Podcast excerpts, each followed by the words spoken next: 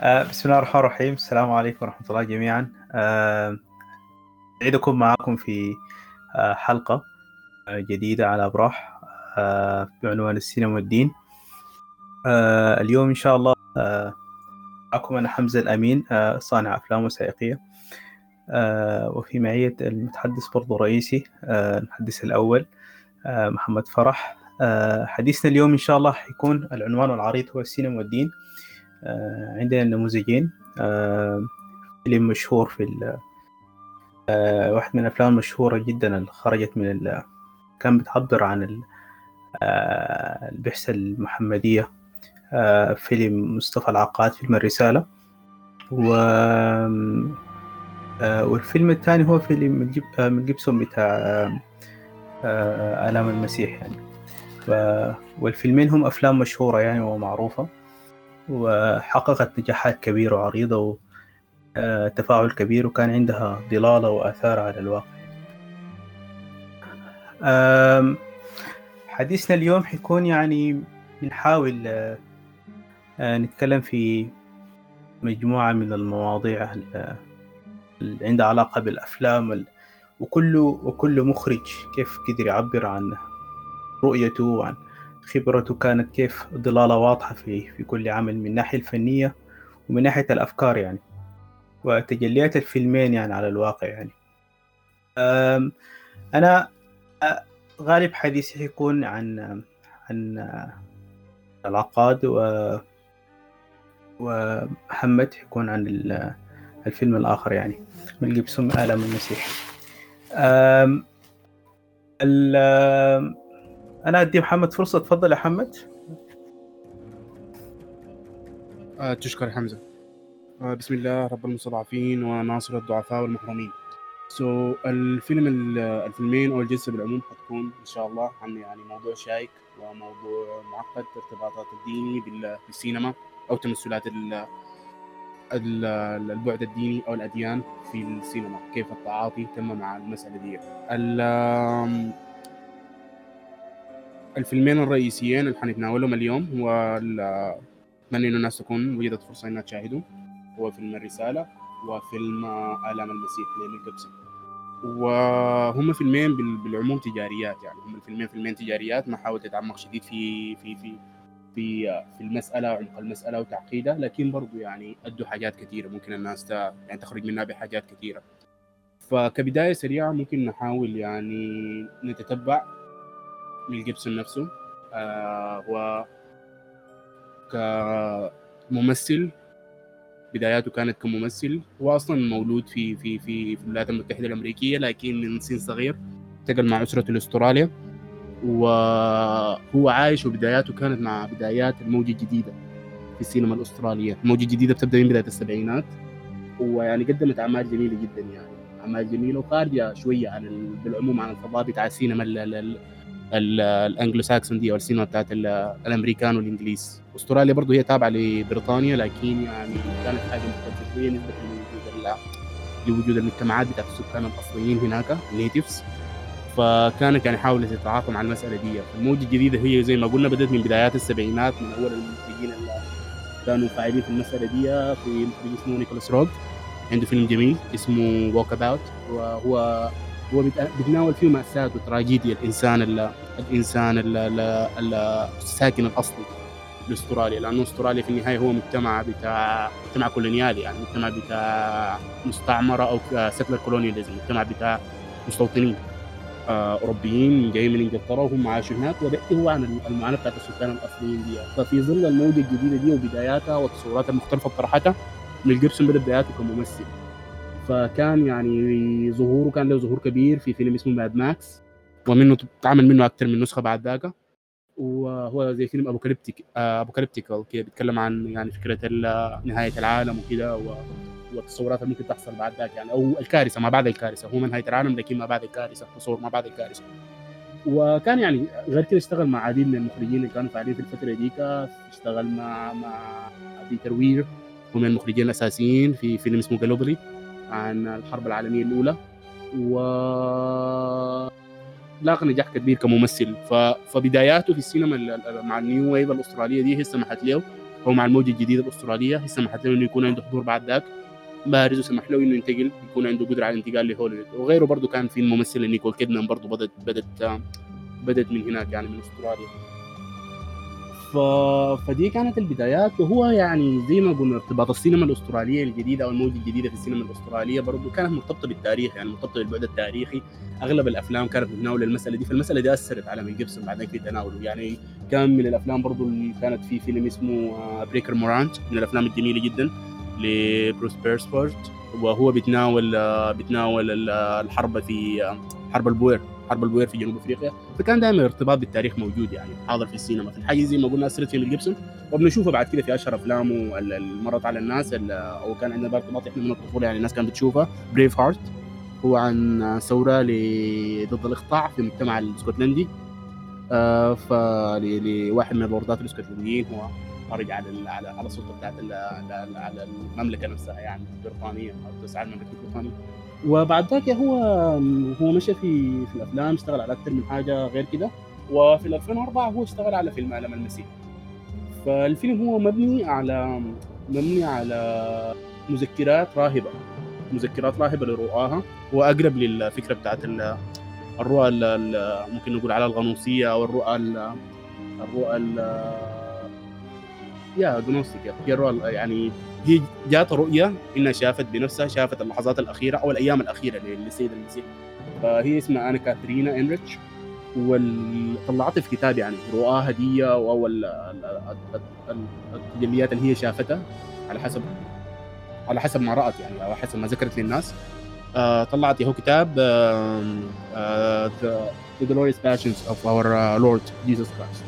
ف ده كان يعني كتاب في ال 1800 وكان يعني دوما يعني هي الحياة السيد المسيح يعني كانت دائما حاضرة في في المخيلة الأوروبية وتاثيرها كان كبير جدا على كل المجتمعات الأوروبية مو أوروبا بس يعني كل العالم بالتأكيد يعني.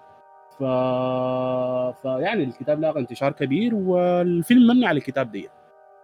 فالفيلم مبني على الكتاب دي وممكن نمشي قدام بعد شوي نشرح التفاصيل أكثر عن الفيلم نفسه. وأنا بسمح الآن لحمزة إنه يرجع ويدينا أكثر معلومات عن عباس العقاد أو مصطفى العقاد آه نعم. آه مصطفى هو مولود في 1930 آه في مدينة حلب. آه نشأ نشأ غالبا الأسرة العربية. هو نشأ نشأ محافظة يعني. هو بيحكي عن والده أنه كان كان رجل متمسك بالتقاليد و وكان يحرص هو وإخوته يعني على أنهم يكونوا متمسكين حتى بالثقافة الدينية يعني تزكية تزكيتهم بشكل متواصل وأنه يكونوا محافظين على الصلوات الخمسة إلى آخره في المسجد. فهو نشأ نشأة محافظة يعني. من وقت مبكر يعني أنه هو بيحكي أنه حتى كان قابل أحد يرانه كان يسوق للسينما. فبدا بدأ حبه للسينما من وقت مبكر رغم إنه كان هو متفوق اكاديميا يعني في المدرسة الإعدادية والمتوسطة. لكن من وقت مبكر قرر إنه يدرس يدرس السينما في أمريكا في هوليوود يعني. هو شخص واضح أنه كان عنده ثقة بنفسه عالية جدا يعني. بيحكي أقرانه يعني أنه عنده كان ثقة كبيرة أنه حيكون مخرج عظيم من وقت مبكر. وهدفه كان واضح أنه لازم يسافر رغم أنه من أسرة ميسورة الحال. فهو لما كان مغادر حلب بعد ما اكمل دراسته الأولية وعشان يدرس الجامعة. بكالوريوس بيحكي إنه والده أداه يعني 400 دولار وسلمه مصحف. قال هو لا ينسى هذه القصة تلك الصورة. فسافر فقيرا يعني إلى الولايات المتحدة يعني. بدأ درس هناك طوال السينما وأنجز البكالوريوس وأنجز الماجستير في كاليفورنيا. و كان وتزوج أمريكية بيضاء يعني. في تلك الفترة في أمريكا ومحمد ممكن يحكي لنا في الحتة أكثر أنه كان الجماعات حتى الجماعات السود كان حولها زخم كبير وحركة التحرر يعني. والجا محمد ومالكوم إكس و وكان حولها زخم. وهو كان حاله كحال كثير من مسلمي المهجر يعني. هو كان وهو رجل بعد ذاك متزوج من مسيحية عنده أبناء. مسألة التعريف بالإسلام كان مسألة شاغله بشكل كبير. وهو بيحكي أنه كان مشغول بأنه يعمل فيلم عن محمد رسول الله صلى الله عليه وسلم. أنا نقول إنه ما كان في حد يعني يعرف عن عن عن محمد رغم أنها هي الديانة وانتشارها الواسع لكن الجهل كان كبير. فهو كان مشغول بالمسألة التعريفية دي يعني. آه، بعيدا عن حتى عنده مشاريع أخرى فنية يعني. آه، نتعرف عليها إن شاء الله. لحد ما ظهر شخص مهم جدا كويتي يعني محمد السنعوسي اسمه وكان وزير إعلام سابق. آه، قابلوا في أمريكا وطوروا الفكرة معا من مجرد فيلم وثائقي لأنه يصنع فيلم عن آه، عن الرسالة.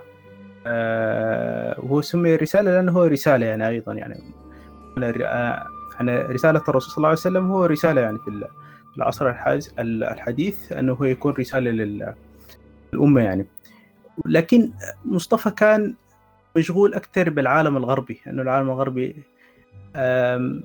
ما ما يعرف عن الإسلام خاصة في ذاك الزمن يعني. نحن نتكلم في فترة السبعينات آه، بداية السبعينات. فهو كان مشغول أنه يصنع فيلم وحنشوف كيف أنه أفكار والقضايا الشاغله مصطفى العقاد كانت ظاهرة في فيلم الرسالة فيما تناوله نحن نتكلم عن تاريخ طويل حتى تاريخ السيرة النبوية بدرجة كبيرة فيه تفاصيل كثيرة وفيه شيء كثير وحتى الأبعاد الفنية اللي اختار من من السيرة النبوية يعني. كيف قدروا يبنوا القصة يعني بتعقيدها يعني وحساسيتها. فهو كان في بعد آه، بعد عنده علاقة بالذات الحضارية بخصوص مصطفى العقاد وتلك الفترة كانت مؤثرة فيه واضح من من لقاءاته الخاصة آه، خطابات القومية العربية بشكل كبير وكان رجل بطبعه كان تحرري يعني. آه، عنده نزعة حرورية رغم أنه برضه في ذات الوقت عنده آه، نزعة التسامح دي عنده واضحة جدا في حياته الشخصية في تعامله مع أبنائه و لكن هو كان مشغول بفكرة التعريف بال... بالإسلام يعني عن طريق فيلم آه، في البداية كان وثائق لكن بعدك تحول حسب رواية أحد المنتجين يعني بعدك تحول إلى أن يكون فيلم آه، روائي يعني. آه، تفضل يا محمد. تسلم. ف يا زي ما يعني حمزة لخص لنا بصورة جميلة سيرة العقاد نفسه وبداياته وكيف هو اهتم بالسينما وكيف توجه ل... لإنه يتعلم الحاجة دي وإنه يعني بدأ بداية صعبة بداياته كانت صعبة جدا من ناحية آه، إنه ما كان متوفر له الموارد المادية اللي بتسمح له إنه يتوجه في الاتجاه ده لكن كان عنده قوة عزيمة سمحت له إنه يتعلم ويمشي في الاتجاه لآخره يعني. فهو ابن الفترة ديك يعني هي فترة كانت زخمة بالتحولات الكبيره في المنطقة كلها. سواء في الشام أو سواء هي فترة يعني نهايات فترة شبابه فترة طفولته اللي عايشها كان فترة الصراع المباشر مع الاستعمار وفترة الانتقال يعني من من الصورة الكولونيالية القديمة لتصورات جديدة. وكان يعني دائما هو الإشكال الرئيسي كان بيواجه المجتمعات بعد بعد الانتقال مثلا من التصور من السيطرة الاستعمارية المباشرة إنه كيف الناس تحاول تخلق لنفسها تصور عن ذاتها عن هويتها عن كل الحاجات دي. وغير كده هو واجهه الإشكال الثاني لما إنه انتقل للولايات المتحدة الأمريكية إنه الإسلام ما كان حاضر يعني.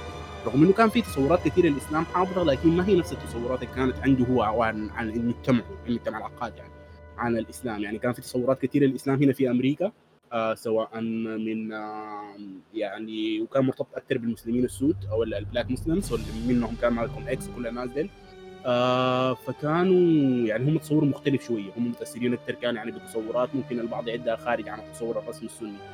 فهم متأثرين بالقاديانية كانت في البدايات وبعدين بعدين خرجت يعني أنماط خاصة هنا. تصورات خاصة مرتبطة بأكثر من حاجة يعني مزج من أكثر من حاجة. آه كان في ال Moorish Temple أو بعديه كانت في ال Nation of Islam. وال Nation عندهم تصوراتهم الخاصة ودي كان مع مالكم فالعقاد هو كان ابن الفترة دي وكان جاي يعني عايش الفترة دي في في أمريكا وكان شايف إنه يعني هو داير يقدم حاجة داير يقدم إنه عنده تصور عن الإسلام. حاسس إنه حيكون آه حيكون فاعل وحيكون مفيد للمجتمعات هنا في في أمريكا وفي كل العالم يعني. وإنه حيكون يعني حيساهم في في في التغيير الأفضل. فحاول إنه يعرف بالمسألة دي. وغير كده كان يعني إنه السؤال هو برضه لأنه هو أزمته يعني هو لازم أصلا خلق السؤال ده عنده إنه طفله يعني أو ابنه. الصوت قطع زي ما تفضل محمد. آه، فهي دي كانت طبيعة الفترة وطبيعة الصراعات اللي فيها. هو كان المجتمعات العربية نفسها خارجة من آه، كلها يعني آه، فترة ما بعد الاستعمار يعني. في ظل التحرر وفي ظل بناء الدول الدولة الحديثة. مصطفى أول ما بدأت تطور وبدأت فكرة تطوير الفيلم والكتابة ومن بعدها الإنتاج. لجأوا لكاتب وشاعر معروف اسمه هارلي جريك فهو رجعوا لكاتب إيرلندي بيحمل ذات ذات الروح التحررية يعني. فحتى يتفرغ من يتفرغ لكتابة فيلم الرسالة يعني. لكن هم كان من البداية محمد السنعوسي اللي هو كان صديق خاص ل لمصطفى العقاد وقبل ما بعد ذاك ينتهوا نهاية اختلفوا يعني. آه هو كان ترك ترك الشاعر يكتب في في القاهرة في في مصر آه في الجيزة يكتب الفيلم وكان حريص من وقت مبكر أنه يصنع من الفيلم عمل مش مجرد فيلم تجاري يعني آه أو يتقدم في مهرجان ما يعرف بالتعريف المعتاد. لكن هو كان حريص أنه يكون فيه مجموعة يعني يكون يعبر عن مجموعة من الدول الدول الإسلامية. آه، والدول الإسلامية مهمة. لذلك كان حريص أنه يكون حتى التمويل كان الكويت كان هو كويت يعني كان باستطاعته تمويل الفيلم. لكن كان يحرص أنها تكون الشركة اللي حتنتج الفيلم. شركة تكون متعددة الجنسيات العربية وكان معتمد على الكويت البحرين السعودية والمغرب. وبعدك حصلت تطورات يعني ما بين الكويت السعودية المغرب. تفاصيل قد تكون فيها غير مهمة. آم آم بعد ما انتهت كتابة السيناريو آه سيناريو الفيلم ال ال السيناريو نفسه كان بيتم النقاش حوله في مجموعة آه أكبر. شخصيات رويت أو حكي أنه هي كانت مجرد آه كرموز كانت مهمة كمثال توفيق الحكيم. في الفترة دي توفيق الحكيم كأديب كان شخصية مهمة يعني آه وعلم مهم. فهم كان مسألة أنه يكون في تسويق آه للفيلم برضه دي كانت حاضرة عندهم من وقت مبكر يعني أنه مش يكون مجرد فيلم عادي وإنما يكون فيلم يكون بداية آه تعريف للإسلام يكون لازم يكون أول أول فيلم لازم يكون بالأهمية بمكان يعني. خروجه نفسه لازم يكون خروج مشرف. آه، في شخصيات تانية أخرى كانت آه، مهمة كالسحار. آه، وغيره من الشخصيات ومنهم الأسهر الشريف يعني. الأسهر الشريف كانوا أول جهة كانوا مهتمين بمراجعة السيناريو يعني. فهم كانوا بيراجعوا السيناريو مع الكاتب الإيرلندي. حتى اكتمل السيناريو وبعد بدأت بعد ذاك مرحلة ال ال الإنتاج أو البحث عن ممول. تفضل يا محمد.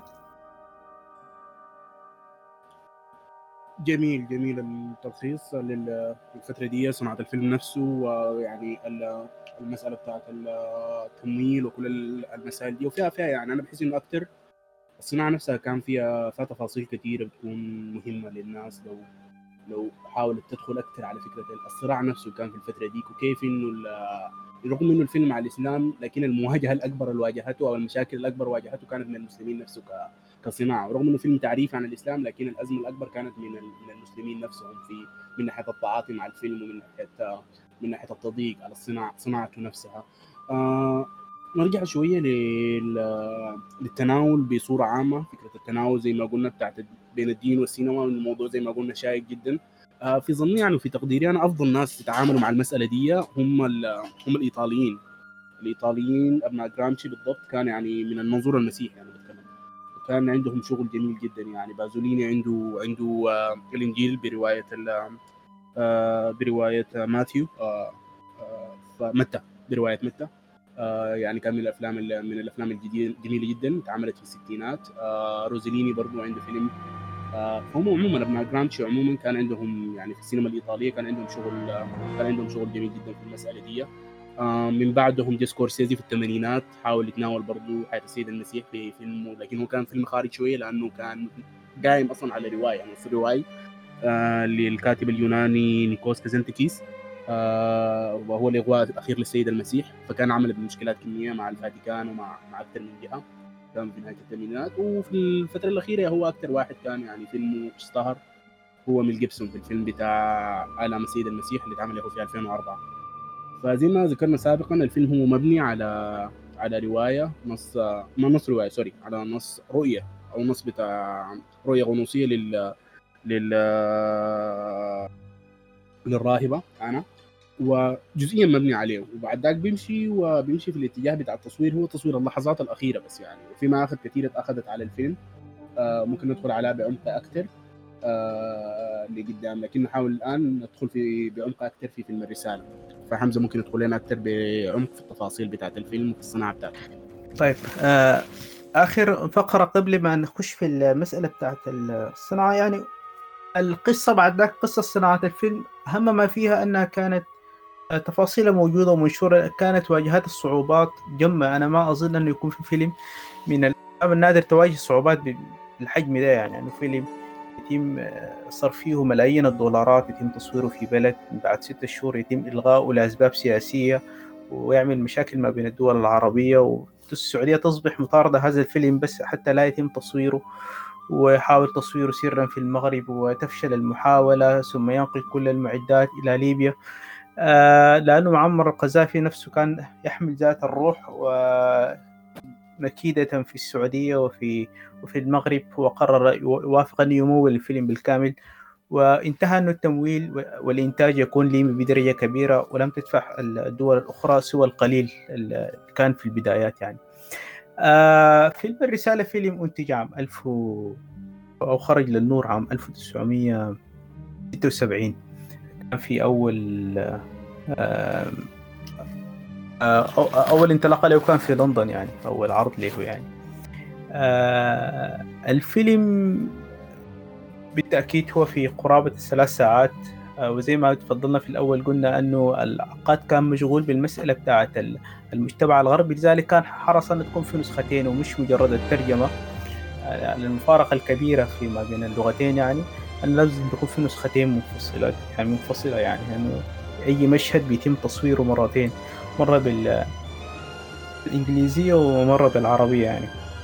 آه بيحكي عبد الله غيث يعني أنه هو كان آه كان لأنه أنطوني كوين هو طبعا دور حمزة ابن عبد المطلب وهو الشخصية آه الأبرز في الفيلم يعني. لأنه هم تم طبعا معروف إنه العشر المبشرين بالجنة وشخصية الرسول صلى الله عليه وسلم وزوجاته. آه منذ البداية أنه قرر العقاد والمنتج أنه لا يتم آه هم عارفين الحساسية وده لعله ده أول فيلم يعني. بالكاد المجتمع العربي الواسع مش المهتم بالفنون كل المجتمع طبعا العربي يشاهد هذا الفيلم هم ما عاوزين ما كان ما عاوزين صراعات ما عاوزين ضجة أول فيلم يخرج. فكرة إنه أول عمل يكون كده مليء بالضجة ما حريصين عليه وعاوزين الناس تكون نوع من الألفة مع مع هذه الصناعة يعني. فلذا حتى كان حريص إنه ياخذ اذن وموافقة من الازهر من رابطة العالم الإسلامي في السعودية و... و... و... ورابطة أخرى شيعية في لبنان المجلس الأعلى الشيعي تقريبا اسمه في لبنان يعني وكان ده, ده حرصه الشديد أنه فعلا يعبر عن كل الأمة يعني. آه الف... الفيلم زي ما قلنا كان هو بلغتين اللغة العربية واللغة الإنجليزية عبد الله غيث بيحكي أنه افترض حسب الخطة يتم تصوير المشاهد الإنجليزية بالأول لكن هو كان فبقول أنا عاوز أشوف ممثل كبير زي أنتوني كوين لما يعمل الدور عشان أقدر أقلده يعني. لكن من تواضع الشخصي أنه قرر قال لهم يعني خلي عبد الله غيث يؤدي الدور في الأول. ودي كانت أول مشاهد يتم تصويرها في الفيلم. وهو المشهد دخول حمزة بن عبد المطلب حمزة بن عبد المطلب في في في مكة لما نزل من الخيل وضرب أبو جهل وهكذا يعني. مشهد مشهور ومعروف. المشهد ده ظبط من أول مرة يعني من أول مرة يعني. أداه أداء كان مميز وظهرت شخصية من الناحية السينمائية و... كشخصية رئيسية وكبطل واضح للفيلم مع غياب الشخصيات اللي كانت في السيرة النبوية هي الشخصيات الرئيسية. كالخلفاء الراشدين دائما نجدهم لما تدرس السيرة بتكون شخصيات بارزة لكن في الفيلم كان قدم شخصيات شخصية حمزة وشخصية هند وشخصية بلال. رباح كشخصيات مهمة. آم، عشان الزمن التفاصيل كثيرة والفيلم كبير لعله في مشهد مهم قبل ما اتيح الفرصة لمحمد هو عنده علاقة ببلال عنده علاقة بالفترة نفسها ال- ال- اللي خرج فيها الفيلم. آم، المشاهد الأولى في الفيلم الفيلم ده نفسه كثير من النقاد بيعتبروه يعني أنا بعتبره فيلم روائي لكن كثير منهم في التصنيف أحيانا يسموه دراما وثائقية. هو كان حريص في سرد الفيلم مشغول هو صحيح فيلم روائي وهكذا يعني لكن زي ما قلنا في الأول هو في شيء من التعريف وحتى لما يبدأ بيبدأ بتعليق صوتي بيشرح الفترة ديك والجاهلية. يعني حتى التع- التعليق مش بالمعنى التعبيري يعني زي ما قاعد نشوف أفلام سينمائية أو كلام رمزي مبهم وإنما كلام يشرح أشياء حتى يمكن أن تحذف تحذفها يعني لكن لأنه هو مشغول مهموم بمسألة أنه هذا الفيلم عنده غرض الفني والغرض ال- التعريفي يعني. المشاهد الأولى في الفيلم هي مشاهد تعريفية بال- بالظروف اللي كانت بتعيشها قريش يعني ما قبل الإسلام يعني. أه، محمد يتفضل أنا عاوز أطيل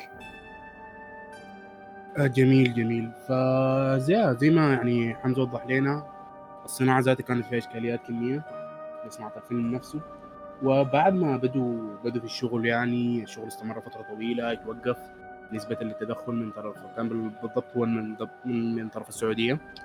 آه فمنعوا إنهم يشتغلوا في المغرب واضطروا إنهم يتوجهوا لليبيا ويشتغلوا هناك يعني إنهم يتموا الفيلم في ليبيا. وليبيا وفرت لهم التمويل وكل الأشكال دي. فهي يعني النقطة دي ممكن نرجع لها بعدين في النهاية لكن هي نقطة الصراع نفسه على الإسلام في الفترة دي ومحاولة محاولة تقديم قراءات مختلفة للإسلام. آه لكن في في تفاصيل الفيلم نفسه يعني يا من النقاط اللي ممكن تكون شكلت جزء ممكن الناس تاخذ النقاد ياخذوا يعني من أكثر من ضعف للسرد يعني آه في سردية الفيلم نفسه هي الإشكال بتاع إنه عدم وضوح. عدم وضوح النسق بتاع الفيلم نفسه إنه هو مثلا فيلم وثائقي درامي فيلم فيلم روائي فكان في إشكال يعني يلاحظ بصورة واضحة في في إنه يتم مرات استخدام ال voice over أو استخدام الصوت اللي بيكون صوت الراوي ومرات بيتم ذكر الكلام عن طريق عن طريق المتحدثين نفسهم. والإشكال برضه نابع من من إشكالية إنه كان في إشكال في تصوير الشخصيات الشخصيات الشخصيات الإسلامية يعني. فكان في إشكال في المسألة دي فإنه حاولوا يتحفظوا وجزء كبير من الشخصيات ما كانوا موجودين في الفيلم. فدائما بيتم يا اما بيتم الكلام عن طريق إحدى الشخصيات الأخرى وفي ال في ال في, ال في العموم كان هو في الفيلم هو هو زيد آه رضي الله عنه كان بيتكلم بلسان الرسول صلى الله عليه وسلم. و فكانت يعني شكلت زي إشكال ممكن الناس تلاحظ الإشكال دي في في في في سياق الفيلم نفسه وفي سرديه الفيلم نفسه. آه المشاهد كان فيها يعني استعمل استعمل حيل كثيرة العقاد نفسه هو بيذكر.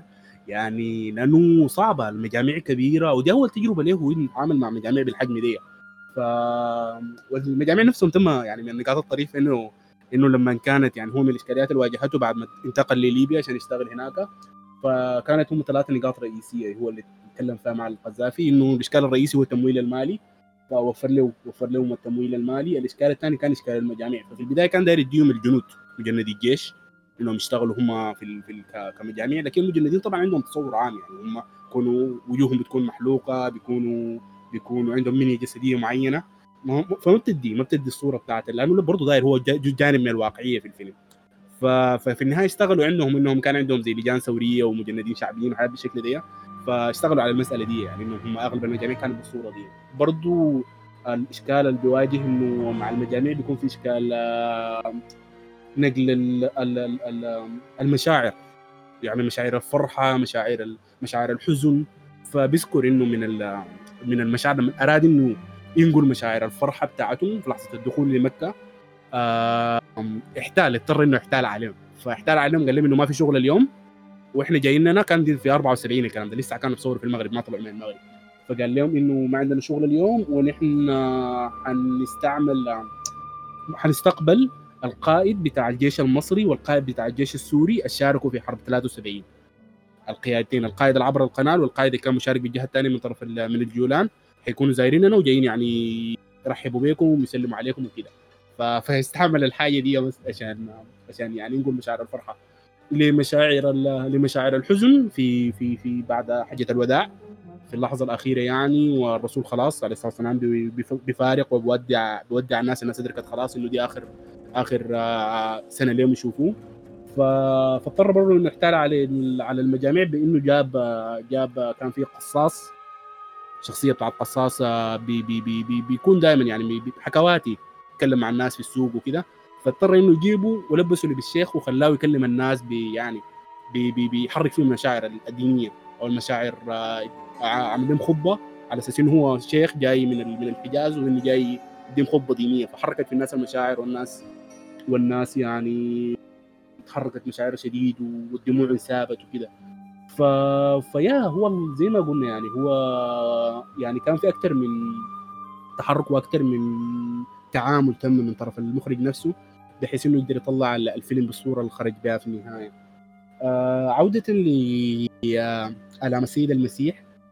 الفيلم كان يعني خلق في صناعته نفسها ما كان في إشكال لكن الاشكال كان بعد الصنا... بعد ما عرض يعني.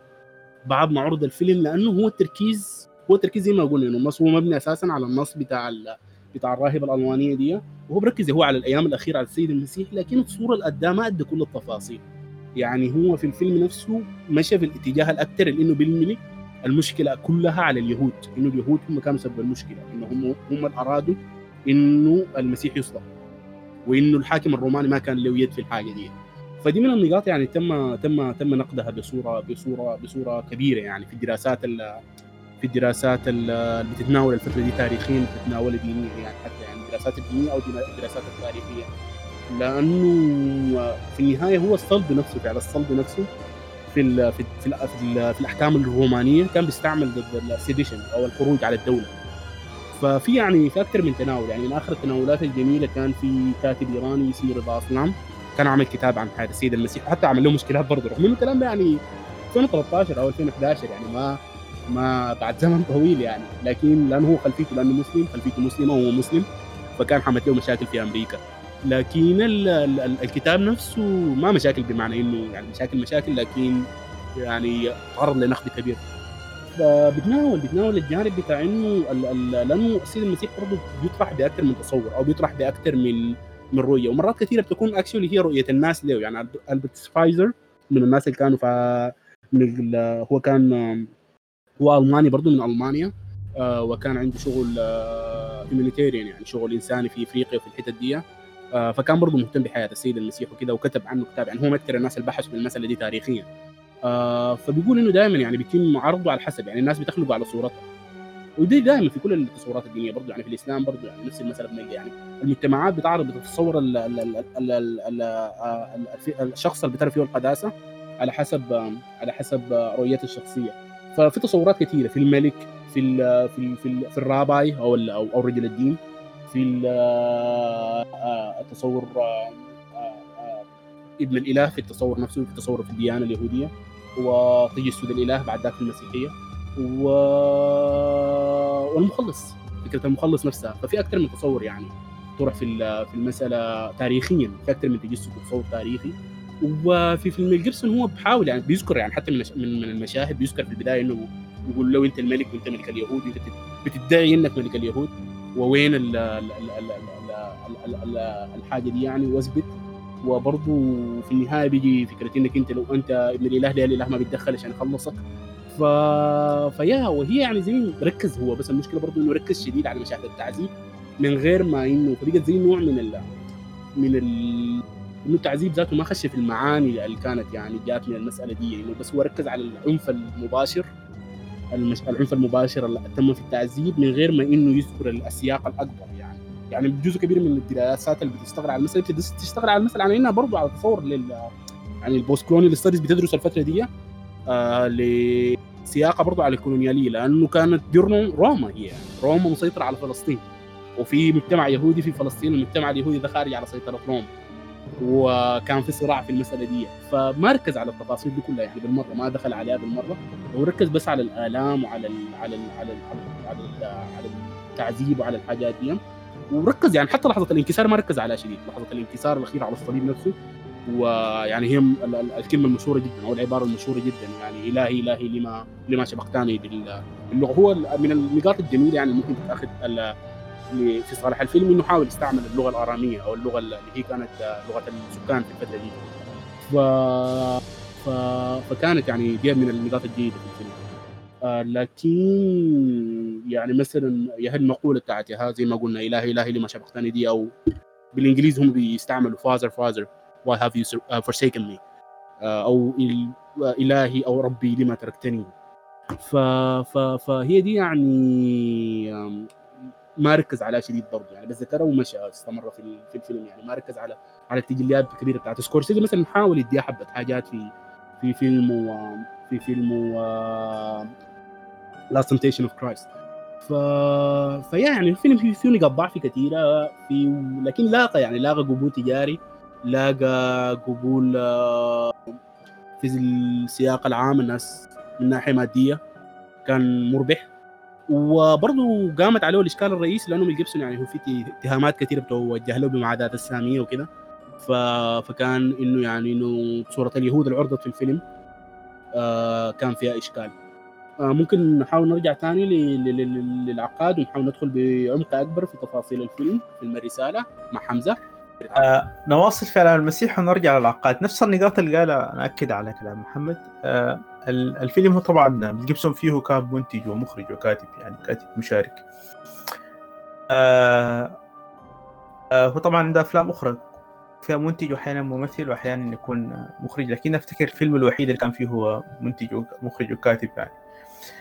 الفيلم حتى لو عملنا إحنا عاوزين نعمل مقاربات كده ومقارنات ما بين التجربة بتاعت العقاد مش للمقارنة ولكن للفهم الفيلم ما هو فيلم تعريفي بال زي ما تفضل محمد وإنما هو أقرب بلوحة كده يعني. أنت فيه شغل رهيب متقدم جدا في شغل المكياج أدى مساحات لخبرته كممثل مساحات كبيرة جدا للممثل أنه يبدع في نقل أحاسيس الألم فهو فيلم يخلق تعاطف الجمهور مع شخصية المسيح و انك تحب هذا المسيح الذي يتعرض لكل هذه الآلام وهو في في أثناء ذلك الألم هو بيدعو لل ان ربنا يغفر لل لل كل الشخوص اللي يلقى عليه آخره يعني. فهو الفيلم فيه كحدث تاريخي وكفترة زمنية محدود سوى من فلاش باك كده بيحصل عشان ينقل لنا بعض العظات من شخصيته. وفيه فيلم هو ممكن برضه تعتبره دعوة لكن لكن ما فيه الحالة التوثيقية الموجودة في فيلم الرسالة وإنما هو فيلم بيحكي عن مشهد تم إطالته بشكل كبير جدا. إطالة ما ليس بمعنى أنه كان ممل بالعكس كان قوي جدا سينمائيا اشتغل على سلو موشن كثير جدا عشان يحكس يعني وظفه توظيف مميز وظف ال ال قدر يعني حالة الألم قدر يخلقها بشكل كبير. لكن الشخصيات كانت حضوره ما كان حضور حتى ما عنده ظلال على الشخصية الرئيسية. حضوره برضه حضور الجمهور الكومبارس اللي زي شخصية مريم عليها السلام يعني. الشخصية برضو كانت شخصية حضورها ما كان عنده أثر كبير يعني. الشخصية الشخصيات المحيطة بسيد المسيح برضو ما كان عندها. يعني حالة كحال كل الشخصيات المتعاطفة كأنها الجمهور يعني ما كان ما كان عليها شغل كثير. الحاجة دي بشكل ما حاضرة في فيلم العقاد من حيث أنهم كلاهما مشغولين بالموضوع أكثر من الشخصيات الشخصيات يكتفي أنك تفهمها كده على الانطباع الأول ممكن ممكن تخدم به الموضوع. هما الفيلمين ما محتاج أنك تغوص كثير في في طباع الشخصيات وطبيعة الموضوع نفسه يعني تخلق شيء من الصعوبة. في حتة ذكرها محمد في موضوع موضوع الموسيقى يعني طبعا في العقاد هو فيلم مرشح للأوسكار في الموسيقى. العقاد ما كان واضح أنه الانطلاقة نفسها يعني والشغل اللي شغال فيه ما الفيلم ده ما هو فيلم فيلم فيلم عشان يفوز بجائزة يعني. جائزة وإنما عنده منه أهداف أخرى يعني. آه وحتى ده واضح أنه من الأفلام أو من الفيلم الذي تلاه يعني أنه هو ما رجل يبحث عن الجوائز وإنما عنده في باله عاوز فيلم يصل لأكبر عدد من الجمهور دائما مشغول بمسألة الجمهور الجمهور الأكبر اللي بيشاهد الفيلم وكده يعني. العقاد لجأ لفكرة ذكية جدا اللي هي فكرة واضحة طبعا الموسيقى عنصر أساسي ودليل على حضور شخصية الرسول صلى الله عليه وسلم. حضوره بموسيقى الموسيقى نفسه عازف مشهور مؤلف موسيقي معروف موريس جار. النغمة نفسها يعني هو بيقول استوحاها من من الآذان يعني. هي نغمة هادئة جدا يعني. وكل ما نسمع صوتها بيحصل هدوء في المكان. وغاية في الجمال ممكن تسمع مرة مرتين وثلاثة في الفيلم. التوظيف المقطوعات الموسيقية في فيلم الرسالة ما, ما كثيف. موجود لكن ما كثيف. حتى مشاهد ممكن تدخل على موسيقى كده في البداية كده وعاوز يدي مساحات كثيرة للحوار. هو مشغول بفكرة الحوار كثير جدا. يوثق للحوارات اللي كان بتتم. وتبدل الشخصيات كشخصية بلال. لأن شخصية بلال شخصية مهمة جدا في فيلم الرسالة. أنه تحولت موقفه وهو بس مجرد بيسمع في الحوار يعني. الحوار ما بين أحد صحابة الرسول صلى الله عليه وسلم ومجموعة كبار قريش على رأسهم أمية يعني. خلف فالحوارات في فيلم الرسالة بتاخذ حيز كبير اهتمام كبير عناية كبيرة جدا. اختيارات وقطعة يعني تحديدها كان بعناية كبيرة جدا يعني. اللحظة بتاعت ال ال خلينا نسميه الثلث الأول من فيلم الرسالة وهو الانتقال. يعني شخصية بلال أهميتها بتظهر في الانتقال اللي بيحصل. في في الفيلم لأنه مجموعة هو أختاره هو كأنما هو الخلق النقلة ما بين الدعوة السرية الدعوة يسموها جهرية يعني. ف هو بعد ما قرر أنه يتعاطف بلال مع أحد صحابه الرسول صلى الله عليه وسلم أنه ما يجلده وتم تعذيبه تعذيب شديد عنيف جدا. وهنا في شيء مشابه لفكرة فيلم آلام المسيح التعذيب والجلد والدم. لكن أنا داير أوريك هنا الرؤيتين المفارقة يعني العقاد ودي جزء من الرؤية الدينية التصور الديني والتفكير الديني أو دور الدين التفكير الديني عند العقاد. أنه العقاد دائما رجل يبحث عن النصر. أفلامه واضحة في وفي في فيلم نفسه ما بعد كل انكسار في نصر بعد كل انكسار في نصر.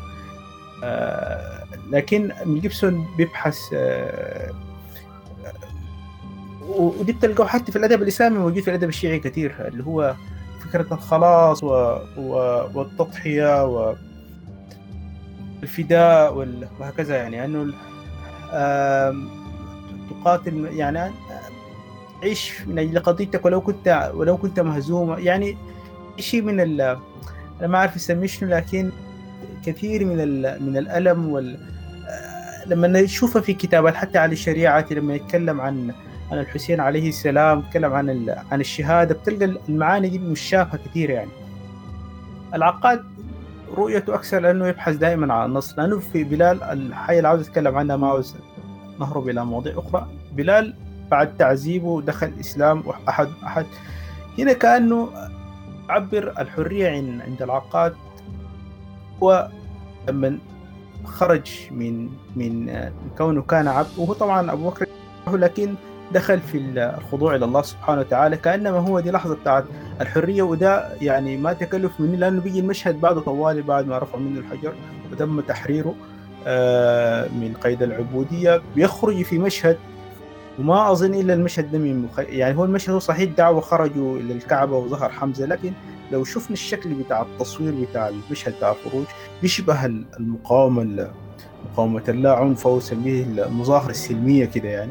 اللي هو الخروج ماسكين يدهم وبيتلقوا في الحجارة يعني كده وأنهم لا يريدون أن يعني يعني المشهد بيشبه شكل المظاهره كده المظاهره الحديثة وبلال يتقدمهم يعني. ودي مشهد كأنما حتى هو مشهد حديث آه وده بوريك المفارقة ما بين الرؤيتين الرؤية عند الحرية بتلقاها في فيلم الجيبسون لما في المسيح في لحظة هو بيتعذب زي بتسقط عليه ضوء الشمس بيقوم بيحصل زي فلاش باك وطبعا فلاش باك العق العقاد السرد بتاعه سهل في الفيلم وحريص على هذا الشيء ما عاوز أي تعقيدات في الفيلم بتاعه. ده اول فيلم يطلع مجتمع مجتمع أصلا غريب عليه المسألة تحت الأفلام والسينما. إلا في الناس اللي أصلا عندهم ثقافة بصرية وبيشاهدوا السينما العربية الأخرى يعني المصرية والسورية. لكن أنت بتتكلم عن مجتمع كامل عاوز يروي القصة بشكل من الوضوح يعني آه، أو السهولة. اللحظة بتاعت المسيح وراه شمس بيتكلم عن الحرية كان بيتكلم عن كأنما هو في السهل. وبين الأغنام أنه الآن في حالة من الحرية. ما بين شخص أنه هو حر الآن ما في ما في ما عليه أي أي ما في ما في أي تحكم عليه أو أي سلطة عليه. وهو في لحظة تحت أنه هو كان راعي بيتذكر هي رؤية أصلا موجودة يعني آه، في النهاية قد يكون من خيال برضو المخرج. عبر عنها واصلا هي رؤية موجودة في فكرة أنه هو وعند العرب موجودة. أنا أذكر في محاضرة عند جحفر جحفر مرغني هو شخص ملم بالتاريخ التاريخ القديم واللغات القديمة ومنقب مميز يعني.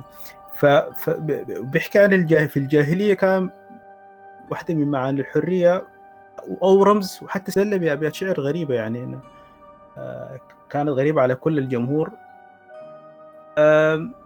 انه الحمار الوحشي كان هو رمز الحرية. زي زي الحمار بتاع الحزب الديمقراطي في أمريكا. فكرة إن الحر ده يكون في في في البادية. دائما التعبير بتاع البادية. لكن الفكرة بتاعت الحرية أو التحرر عند العقاد كان فيها شيء من شيء من الاختلاف. انه هو الدفع والنصرة في في إطار الخضوع إلى الله سبحانه وتعالى الحاجة دي واضحة يعني. الرؤية ديك حتى في كثير من النقد اللي تم تم له كابو محمد أبو القاسم حاج حمد وغيره لما يتكلم عن آه لا تقولوا راعنا وقولوا انظرنا واسمعوا. يعني فكرة إنه التحضر الإسلام المتحضر دي ونقد فكرة إنه إنه ما بعد بيحصل المجتمع بيبدأ في حالة من التحضر وليس في الحالة من الحالة القديمة الصورة الذهنية صورة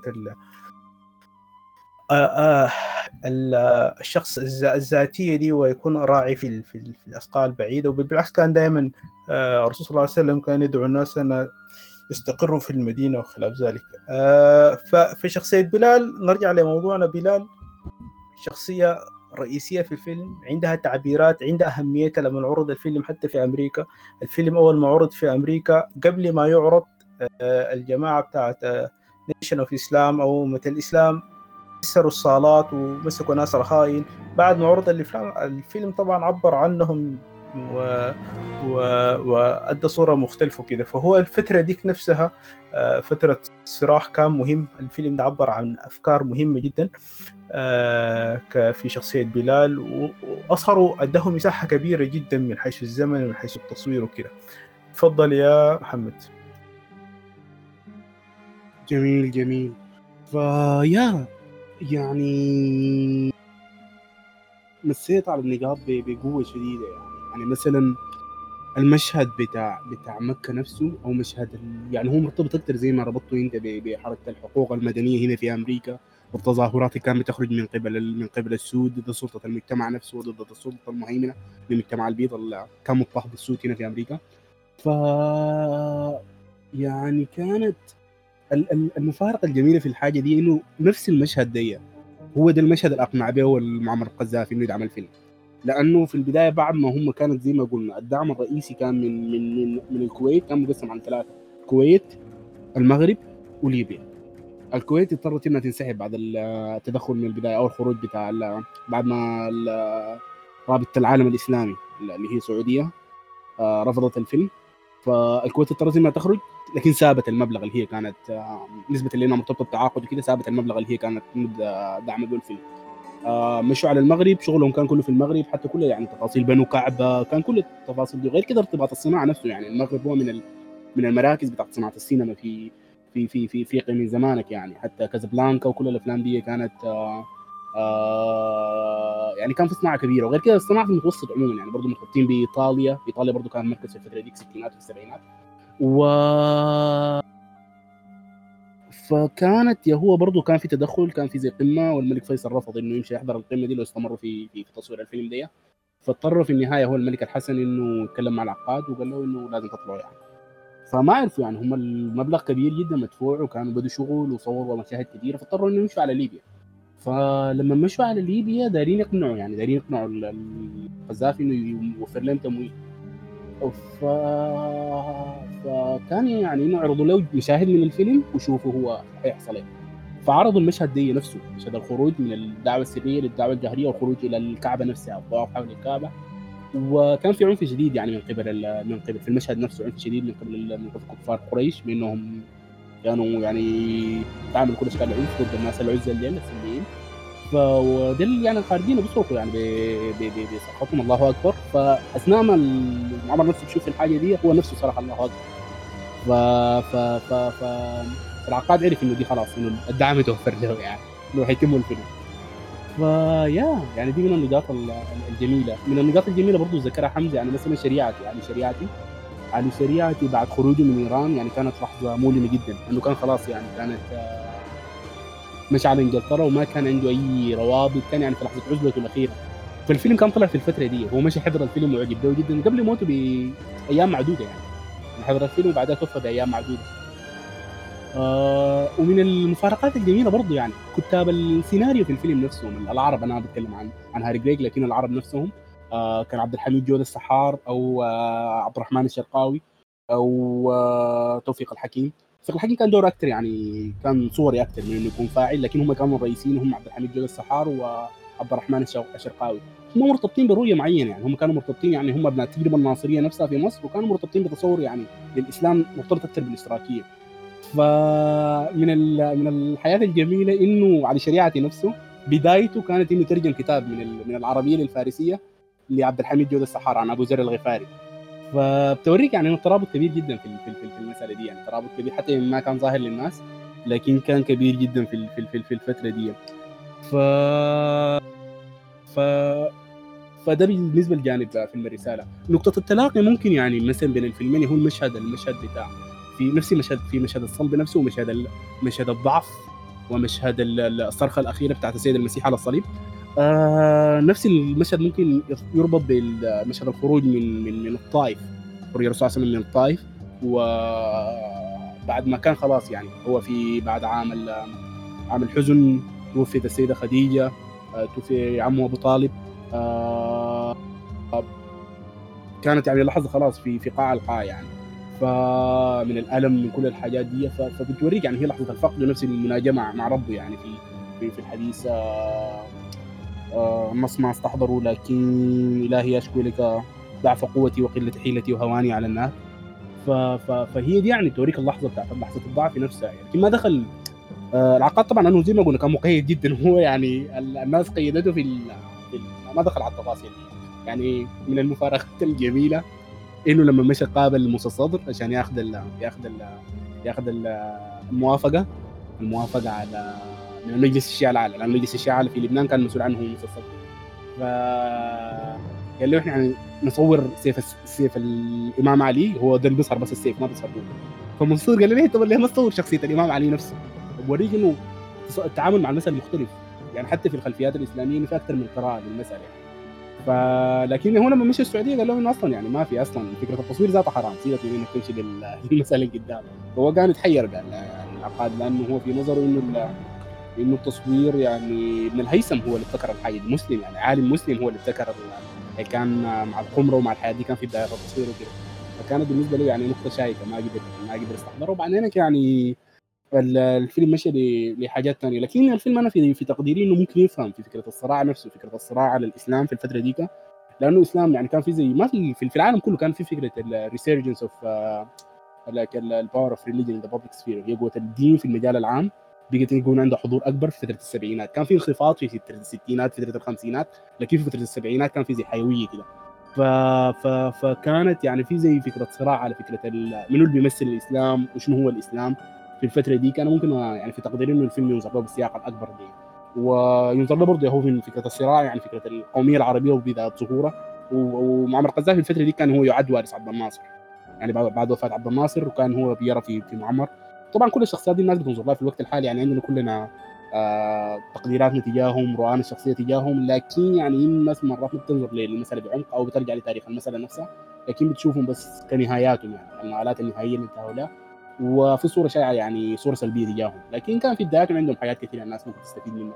ف فكان يا هو زي ما قلنا هو كان بيعد وارث الفترة دي وهم زي ما قلنا يعني أغلب اللي كانوا فاعلين في الفيلم في صناعة الفيلم نفسهم أو في كتابة السيناريو في الحاجات دي كانوا متأثرين بالتجربة الناصرية. هم مصريين وهم كانوا متأثرين بالتجربة الناصرية وكانوا متأثرين بالفكرة الاشتراكية ذاته وفكرة اشتراكيه الإسلام والحياة دي. ويا في تقديري يعني إنه فكرة الصراع الفيلم نفسها تفهم في الاتجاه دي وفكرة التمثلات نفسها يعني فكرة تحرير العبيد فكرة فكرة التحرر الموجودة بقوة في الفيلم. آه كموجودة يعني حتى في بيتم التوضيح عليها مرات بصورة حتى بتكون فيها حبة ركاكة يعني إنه هو بعيد عيد لأنه بحاول يعيد ابراز النقطة وفي تصور إنه الناس ما عندها ما عندها معرفة بالمسألة دي وما عندها خلفية بتاريخ المسألة فبيعيد التدقيق على حتى بذكرى لفظيا أو كده رغم إنها ممكن من المشاهد تفهم لكن حب يقوي فكرة فكرة حضور المسألة نفسها. وكان يعني حتى عنده تعاون بعد ذاك ثاني مع مع القذافي نفسه في في في الفيلم الثاني هو مع عمر المختار. آه، فكان في في تعاون برضه في المسألة دي وهو محاولة تناول الكولونيالية الإيطالية آه، في في في في إفريقيا. ف... فكان ياها يعني مثلا مشيت في الاتجاه دي أنا حاسس إنه يعني التناول بصورة عامة. أه حمزة لو عندك أي إضافات ممكن تضيفها أنا حاسس ممكن أه قبل ما ما نفتح المساحة يعني بالضبط يعني محمد تفضل كلام طيب. أه زي ما تفضل يعني عمر. القذافي يتحمس جدا للمشروع. واصلا كان رجل يحب المشاريع خلينا نسميها الغريبة والمختلفة. وأكثر من كده حتى أصر أول ما شاهد الفيلم أنه توزع أنه ياخذ 52 أو 53 نسخة من الفيلم كذا 50 نسخة من الفيلم يوزعها على افريقيا هو رجل كان تحرري طبعا وقتها يعني. مهتم جدا بال حصل له خذلان كده ويعني الصراعات العربية يعني مع ليبيا. فهو حرص أنه ينشر الفيلم بشكل رسمي للدول الأفريقية لأنه فيلم كان بيعبر حتى عن الشوق الحركات التحررية العالم يعني. أم ما عاوزين نطيل عاوزين نسمع لكن أنا بس عاوز أشير لشيء مفهوم أنه في ال... يعني إحنا طبعا عنوان شوية كان كبير موضوع السينما والدين أنا بس إحنا خلينا نقول الحلقة تتناول تجربة العقاد في فيلم بالتحديد الرسالة وتجربة جيبسون في فيلم آلام المسيح. يعني في النهاية صحيح خاصة فيما يخص ال العالم الإسلامي ده انه البدايات بتكون عن القصص التاريخ يعني. آه تأسيس. آه لأنه الأعمال الأخرى اللي كانت بتخرج خاصة العربية ما أقول من بقية المحيط الإيراني طبعا والعالم الآخر عنده كان خصوصيته في في الشرق الأقصى من آسيا وكذا يعني. آه الفيلم ده كان فيلم حكى قصة التاريخ والرجل كان مهتم لأنه حتى صور في فترة زمنية طويلة وبيحكي يعني منواصف و... والممثلين الرئيسيين الرجل كان مهتم بالتفاصيل بشكل كبير وكان جريء جريء جريء شخصية جريئة يعني حتى المشاهد الكومبارس ما كان بخيل إنه يحاول لأنه نحن المخرجين نعرف في كثير من الحيل ورغم الظروف اللي كان عايشها كان يحرص على الكرين واللقطات تكون واسعة وال... جمهور زي ما تفضل وخلاص هو عاوز كومبارس ضخم عدد كبير من الممثلين عدد كبير من الممثلين ما ما في أي حل آخر يعني. يتصرفوا يجيبوا له أي عدد. فهو كان رجل جريء حريص على إنه يعمل حاجة. تعرض على فترة زمنية طويلة زي ما نحن بنشوف سنويا الام بي سي وغيرها من المحافل الآن بقى العالم الإسلامي نفسه حصل فيه تغيير. العالم الإسلامي نفسه حصل فيه تغيير. الفيلم من أنه السعودية والكويت طرف الكويت لحد قبل سنتين كان ممنوع لأسباب سياسية. العالم حتى حتى الحركات الإسلامية نفسها يعني والذهن والعقل والوعي نفسه حصل فيه تغيير. الحركات الشخصيه زي شخصية مصطفى كان شخصية متقدمة. شخصية يعني التيارات اللي كانت موجودة معروفة للصدمة الشديدة تحت الاستعمار. كان تكره كل شيء يجي من يجي وافد كده من الغرب. كان عندهم منه خشية كده وخوف. فلعله لعله الرسالة فتح لهم أنه يمكن أن تعبروا عن ذاتكم الحضارية في في هذه بهذه الآلة السينمائية يعني. ف فبعد ذاك خرج فيلم عمر المختار لكن في النهاية يعني عشان ما في الحديث والزمن ما ما ما, ما بيسع يعني. عمر المختار والرسالة كله بعبر عن تلك الفترة فترة التدافع مع التدافع التدافع الاستعمار وما بعد الاستعمار يعني. في شخصية برضه معلم طبعا هو لم يكن مقاتلا محترفا هو دي كان حريص عليه جدا معلم. قادته الظروف وهو رجل مسين أن أن يحمل سلاحه ليقاتل ويدافع عن وطنه يعني. وهو فكرة التسامح دي لأنه عنده حاضر حتى في فيلم الرسالة دائما يحرص. المشاهد اللي تستحق الحديث عنها كثيرة كمشهد حديث جحفر مع مع النجاشي. وهو دائما ذاته كان بيعرف يعمل اختزال كويس بيحرص على الاختزال بتاعه بيبني على الحوار. وين كان الحوار قوي وحصل في ذروة؟ بيأخذ من السيرة يعني بيبني كده يعني. لأنه النجاشي نفس الهجرة كانت هجرتين لكن تلقاها مشهد واحد كأنه الحوار واحد حصل ما بين النجاشي والصحابة. لكن هي هجرتين ومشوا واستراحوا في ورجعوا مره أخرى إلى مكة وثاني حصل عليهم ضغط لكن هو كان بيختزي بيشوف المشهد كان قوي كيف بيجمعوا يعني. وبعد ذاك تسامح معاه للاسف في هذا الشأن يعني آه للغرض الفني. ف فهي التجربة تجربة مميزة تجربة فتحت آفاق كثير للعقل لأنه حتى حتى حتى الحركات الإسلامية مش السلفية. الآن الحركات السلفية والحركات الجهادية تجد كثير من مشاهد الرسالة حاضره عندها ويتم توظيفها دي محمد ممكن عنها. حتى الحركات الإسلامية كانت حركات متخلفة. حتى كتاب اللي كانوا معروفين بإعلام كشخصية متخلفة في فيما يخص السينما بالتحديد. أنا أذكر قرأت كتاب حتى لمحمد قطب يعني. شخصية ما هو زي سيد أكثر انفتاحا تجد عندهم آراء كانت سلبية جدا في المسألة اللي بتخص مسألة السينما يعني. إلا من بعض الشخصيات الأخرى يعني كانت خرجت عن عن المألوف. لكن في غالبهم كده كان عندهم مشكلة كبيرة جدا مع المنتج الغربي وده كله نظرا لردة الفعل بتاع الاستعمار يعني. لكن ياخذ صبغة في تقدير يعني. إنه المجتمع نفسه كان مجتمع مجتمع افنديه ومجتمع غربي والى اللي بيشتغل واللي بيتاجر واللي بينتج إلى ما ذلك يعني. أنا صادف أنا عارف أنه كثير الآن حتى من آه، زي ما زي محمد مرة كنت بتكلم معاه قبل ما أبدأ قال لي يعني كثير من المواقع الجهادية دي تلقى فيها المشاهد من الرسالة وكذا بيتم توظيفه يعني. أنا كنت أصنع فيلم وثائقي يعني عن واحد من الشخصيات اللي كانوا ممولين للمسألة بتاعت الجهاد الأفغاني ديل وكده. ف فكنت يعني بعمل معاه زي حوار وسألت يعني هو كان برا التسجيل قلت له هل أنت كنت تحضر مثلا ادبياتكم أدبياتكم كانت طبيعتها شنو يعني؟ هو كان شخص قريب لحكمة يارا يعني. قلت له أدبياتكم كان شنو؟ انت لما تكون هل مثلا تحضر فيلم رسالة؟ قال لي اطلاقا لا يمكن. ممنوع حرام. نشاهد فيلم لأنه الثقافة والبيئة وأنت البيئه الجبليه دي. المجتمع أصلا المجتمع ما ممكن يقبل حاجة زي دي يعني. التحولات في العالم نفسه التغيير التغيير حصل كبير يعني.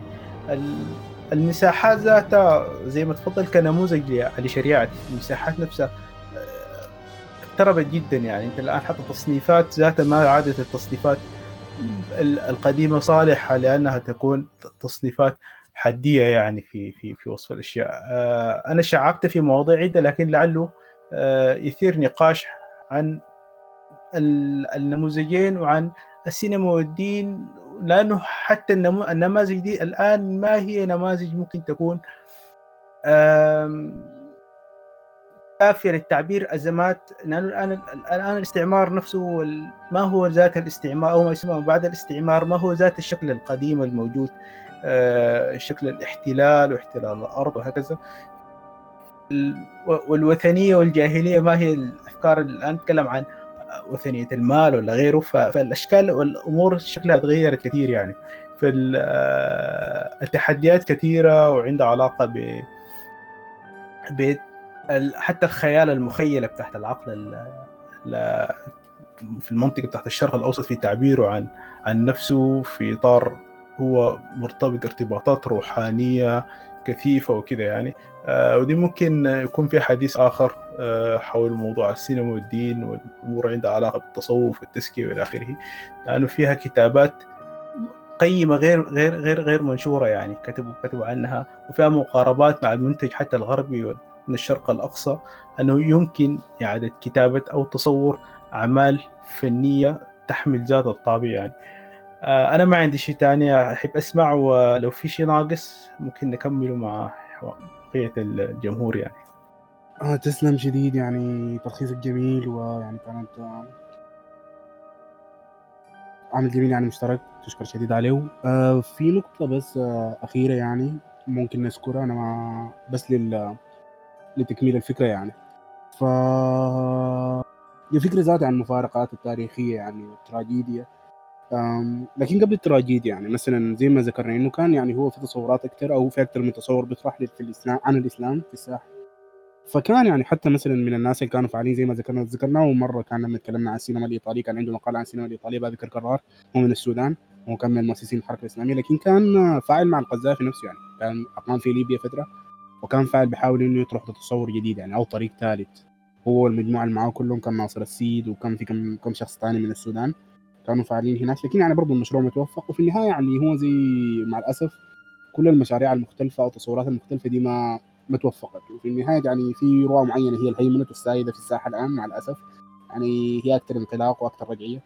آه ف فيعني من المفارقات أو التراجيديا المؤلمة جدا إنه الشخصيتين الرئيسيتين كانوا في صناعة الفيلم ده يعني هم الفيلمين دول زي ما ذكرنا إنه بيجوا بيجوا حتى يعني الناس ممكن تلقى منها نسخ منزوعة منها الموسيقى منزوعة منها بخطوا اناشيد في الخلفيات الفيلمين عمر المختار والرساله آه هم الاثنين كانوا زي ما ذكرنا الفاعلين الكبيرين كانوا في صناعتهم هم العقاد والقذافي نفسه. فالاثنين الشخصيتين الاثنين قتلوا على يد قتلوا يعني قتلوا على يد جماعات جهادية مثلا. العقاد قتل قتل في 2005 أو 2006 ما أذكر العام بالضبط لكن كانت في في تفجير في فندق في الأردن. هو كان بيحضر عقد زواج. وتفجير كانت عملته الجماعه بتاعت الزرقاوي في العراق العراقية يعني عملته في الأردن فهو قتل في الحاجة دي وبعد ذاك القذافي نفسه قتل بعد عندهم يعني الحراك اللي كان حصل في ليبيا أو تحرك الثوري أو ايا كانت تسميه آه حصل في ليبيا. فهو برضه قتل على الجماعة دي في التوريك إنه يعني التمحورات المختلفة والحياة المختلفة دي وكيف يعني التراجيديا بتاعت الواقع الحالي لأن الواقع مؤلم يعني الواقع اللي بتعيشه الناس دي من كل التصور من كل. يعني حتى الصورة اللي انتهى لها الإسلام نفسه يعني آه يعني كانت مؤلمه واتمنى يعني, يعني نفتح فرصة للنقاش والناس يعني تحاول تشاركنا بأطراف إحنا ما في أطراف الموضوع نفسه. ما غطينا الموضوع بصورة والموضوع واسع طبعا يعني موضوع واسع جدا. فأتمنى نسمع من الشباب يعني. وتسلموا شديد يا شباب يعني على صبركم علينا.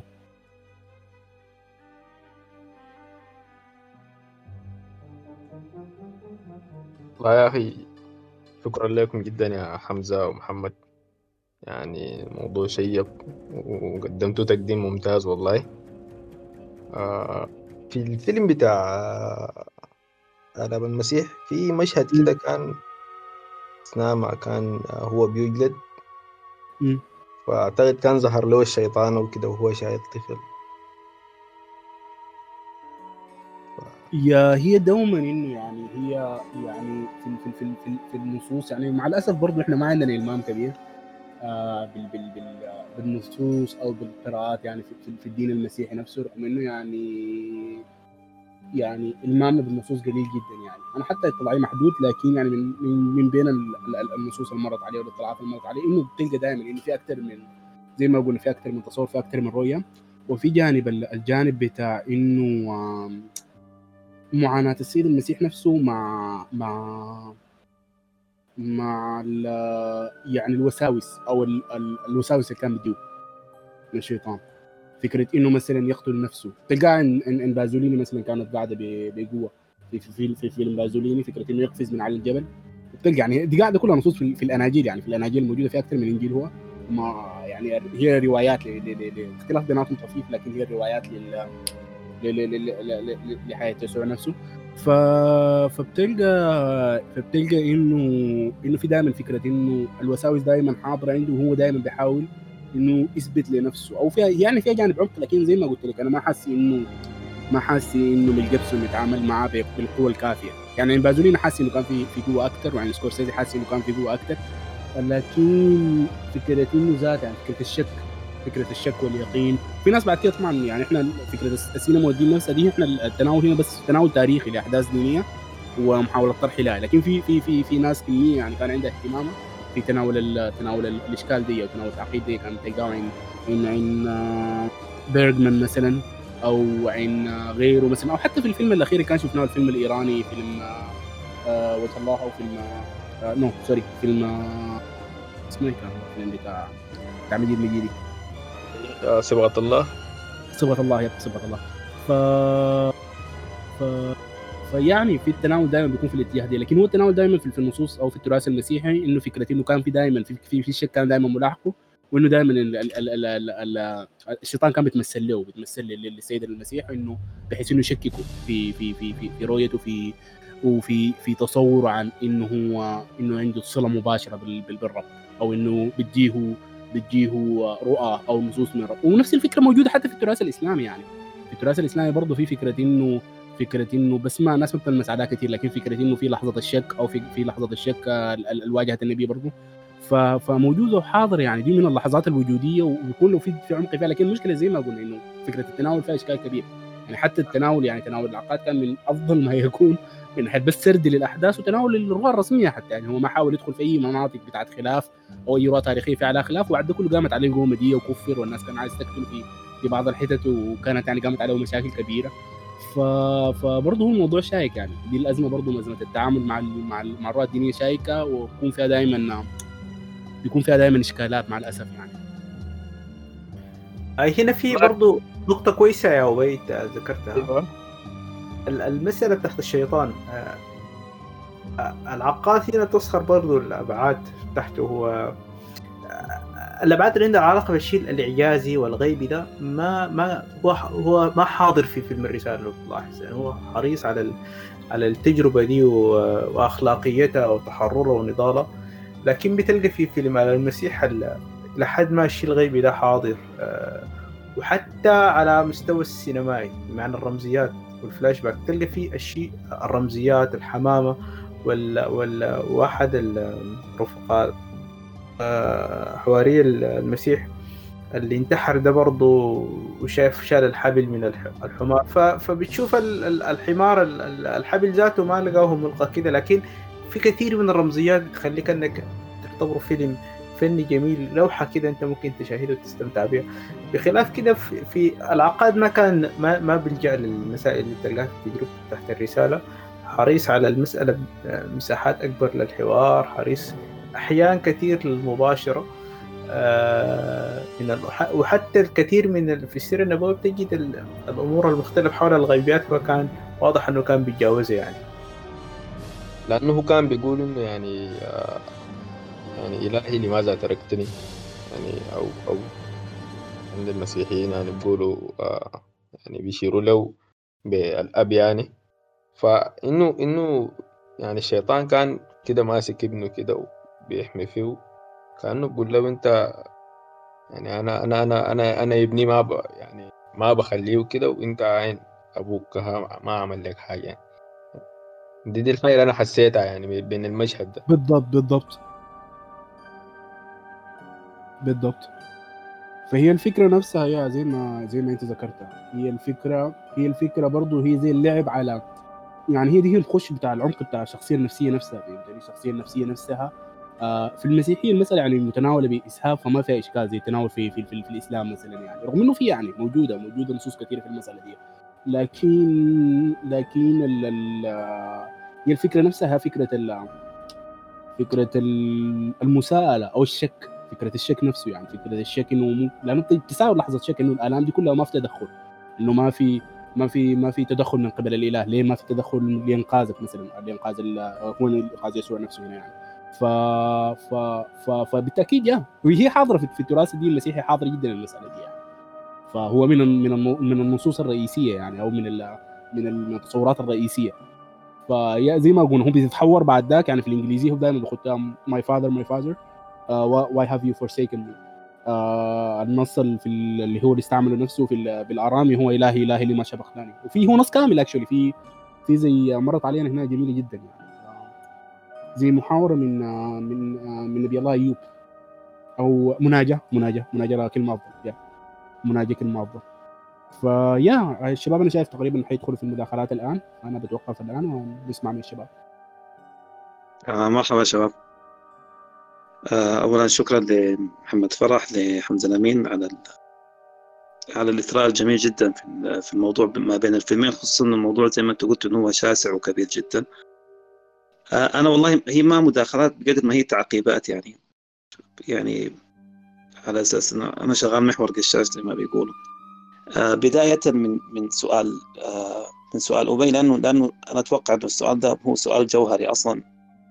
في منظورنا أصلا وفهمنا أصلا عن علاقة علاقة السينما بالدين أو علاقة الدراما بالدين عموما يعني واختلافه ما بين ما بين يعني several kinds of belief ولا هو معتقدات عن عن الأخرى.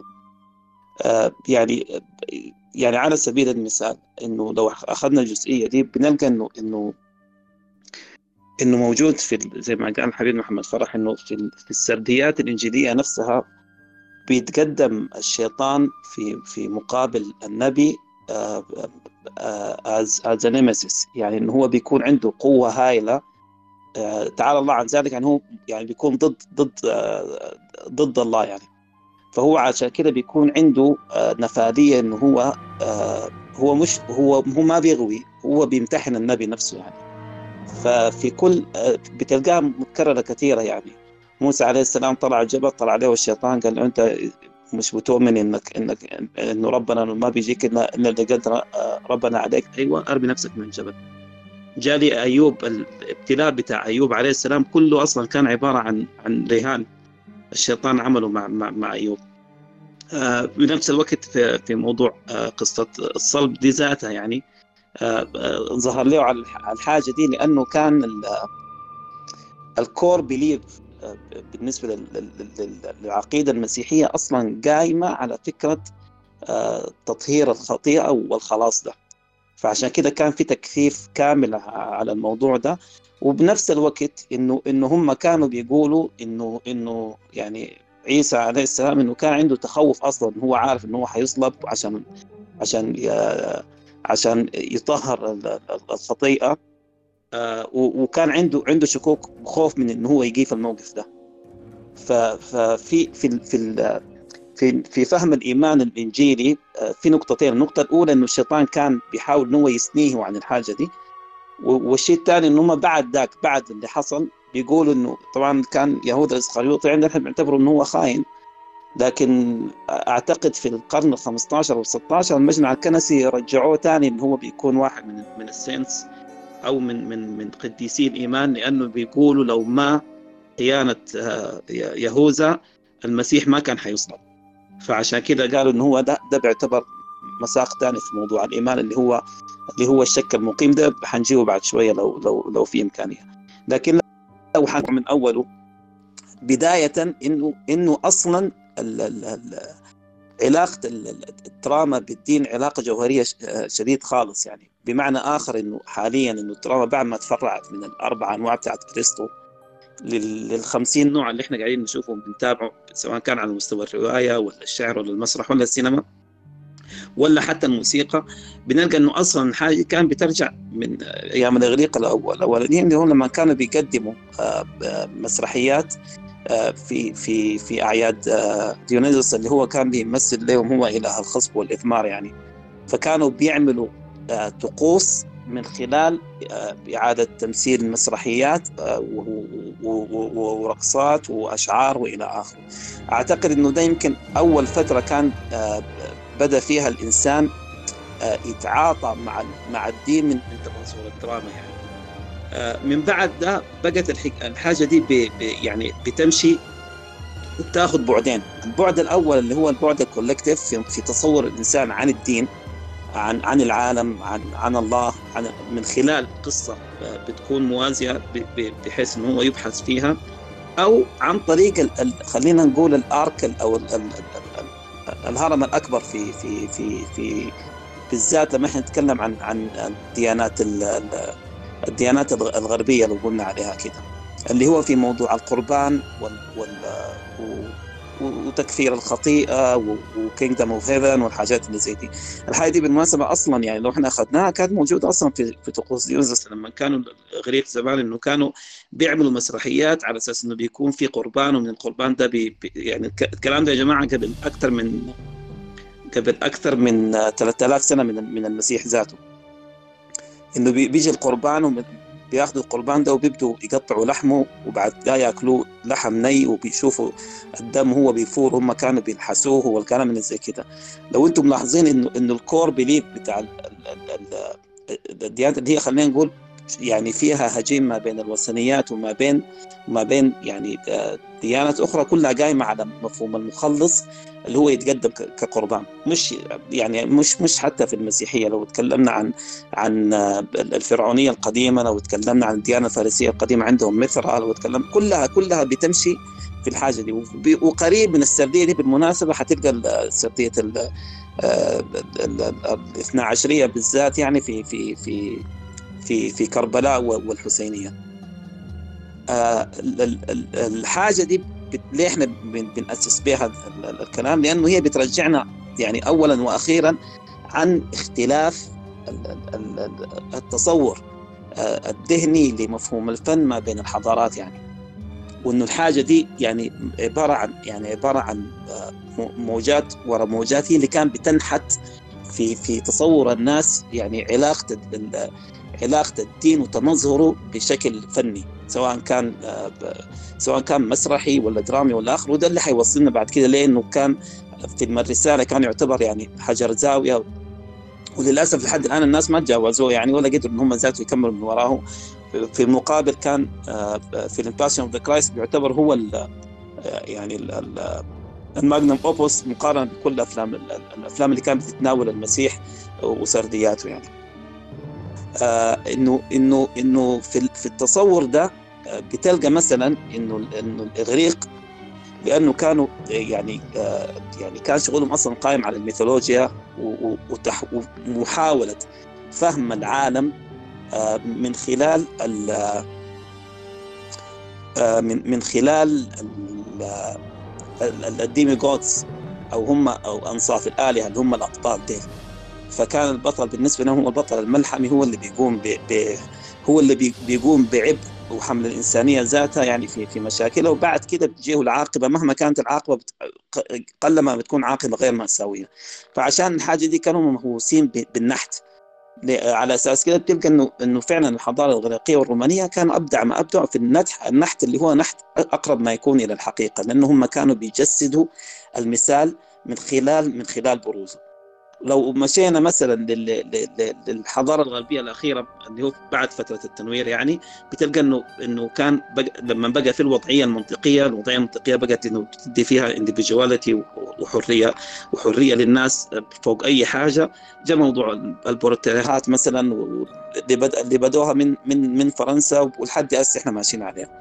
لما ناخذ الموضوع ده كحضارة إسلامية مثلا حضارة الإسلامية بشقين بالمناسبة يعني حتى الشقة السردية الشيعية بالمناسبة بتلقى أنا أنا كان فتشت زمان لقيت إنه في في كتب كان بترسم يعني خلينا نقول بورتريهات لسيدنا علي. و... و... وعلاقته بالشبه. حتى الموضوع ده أنتم ملاحظين إنه المجمع الشيعي الموضوع ده ما بيمانع فيه. مسألة تمثيل الأنبياء اللي اللي اللي, اللي بدوا فيه يعني ولحد ما حاليا مجيد مجد عمل الثلاثية بتاعت محمد صلى الله عليه وسلم. لكن لو إحنا اخذنا الشق الثاني بنلقى لا إنه أصلا في في ممانعة عليه لأنه العالم كله متمحور حول الله في في في العقيدة الإسلامية. وسبحانه وتعالى يعني هو الظاهر والباطن بأنه هو ما يدرك في في في صفاته ولا في شكله بيدرك في معناه. فبتلقى إنه الموضوع ده ماخذ ماخذ سياق آه، فلسفي معتمد على حكاية التوالد يعني وحكاية إنه الدائرة والحاجات دي. عشان كده تلقى إنه أبدع ما قدم الحضارة الإسلامية. أنا قصدي كنزعة فنية كان هو موضوع الزخرفة. سواء كانت الزخرفه الإسلامية ولا الأرابيسك ولا غيره. ففي الحاجة دي إحنا متأخرين خالص على أساس على أساس التصور الذهني الفني آه، للموضوع ده. ما, ما أكيد ما حكون زي ما حكون زي زي الغرب في الحاجة دي. عشان كده اللي عملوا آه، يعني اللي عملوا العقاد كان يعتبر خارق آه، للعادة. مش إنه هو هو ما قدم الفيلم ده على الاستحياء بقدر ما هو يعني الزول ده من قبل 50 سنة تقريبا إحنا لحد الآن ما قادرين نتجاوز الرسالة. مع إنه إنه هو هو باعتبار إنه هو يعني هو اللي هو اللي كسر أصعب حاجز في الموضوع ده. كويس؟ آه يعني يعني لحد الان لحد الآن إحنا لسه في عبايه مصطفى العقاد اللي بيحصل غالبا يعني إنك أنت ب ب ب بترفع الرهان وبترفع البار. بعد ما تكسر الحد بتاع التصور خلاص بيتوالد الموضوع ده زي ما بيحصل في السينما يعني في في كل مكان. لحد الآن يا جماعة يعني أنا متذكر يعني كان لما قالوا اضخم انتاج آه، عربي لما أخذوا سيرة عمر في في في في مسلسل اللي كتبه دكتور وليد سيف ما عملوا شيء يا جماعة يا هو نفسه اللي عمله العقاد بالضبط يعني. ما ما في شيء يعني تحس انه هو انه هو انه هو زاد عليه. ودي ودي مشكلة بتاعت بتاعت perception يعني. مشكلة بتاعت تصور. إنه العقاد يعني يعني الله يرحمه انه هو كان في ذهنيته ذاته انه هو كان فايت مجمع الفتية يعني. يعني الوقت ذاك يعني سواء الخلاف اللي كان ما بين الأزهر وما بين رابطه العالم الإسلامي في, في مين من الصحابة أنت خليك يعني موضوع الأنبياء دي قطع شك انه هم ما بيعاد تمثيل. بقى في مين من الصحابة أنت فاستبعدوا العشرة المبشرين بالجنة استبعدوا جزء من من من من من آل البيت وبعد كده بقى الموضوع في في في تباين ما بين الاثنين مع انه الحاجة دي بالمناسبة زي ما قلت لكم على أساس ان هي حاجة جديدة الوقت ذاك الصورة ذاتها الصورة الفوتوغرافية دي كانت حرام فما بالك انك انت بتعمل motion ولا ولا ولا ولا, ولا سينما على أساس إنك تتناول في القضية دي مع إنه إنه أنتم لو ملاحظين آه، لو إحنا اخذنا الفرق بين السرديتين أنا أنا الموضوع ده آه، يعني هامني خالص ليه؟ آه، لأنه بعتقد إنه إنه إنه إنه فيلم Passion the Christ اللي عمله ميل جيبسون أعتقد إنه هو من أفضل الأفلام بين قوسين الدينية اللي قدمت السردية دي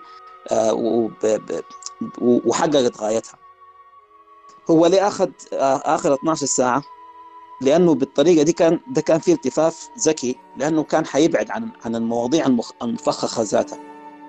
آه، فكان الموضوع عامل عامل يعني ماشي chronography يعني ب ب على أساس إنه إحنا نتعرف بس على القصة من خلال آخر 12 ساعة. طيب ال core point بتاع القصة قصة ميل جيبسون أو القصة المسيحية اللي هو قال انه هو مأخذها زي ما هي يعني يعني ما حاول انه هو حتى إنه يدخل فيه يعني مضمون آه، آه، فني ولا ولا ولا إدراكي ثاني إنه هو عايز يتكلم عن الكور بليف آه، في مسألة التطهر من الخطيئة وإنه الآلام دي إنه الآلام دي كان هي هبه يعني بين قوسين يعني المسيح للبشرية وتطهيرها على أساس كده إحنا إحنا إحنا إحنا إحنا تكفر عننا الخطيئة دي. آه، فطبيعي ما بقى الموضوع سيرة ذاتية. نفس الحكاية عملها في الرسالة. إحنا ما ما كانت سيرة ذاتية عن المسيح ولا كانت سيرة ذاتية عن الرسول صلى الله عليه وسلم. الموضوع كان هي قصة الإيمان. آه، لو إحنا حاولنا انه إحنا آه، يعني نأخذها. والموقف الرسالي. المسيح انه هو بيقدم رسالته اللي هي الأخيرة دي اللي هو مسألة التطهر.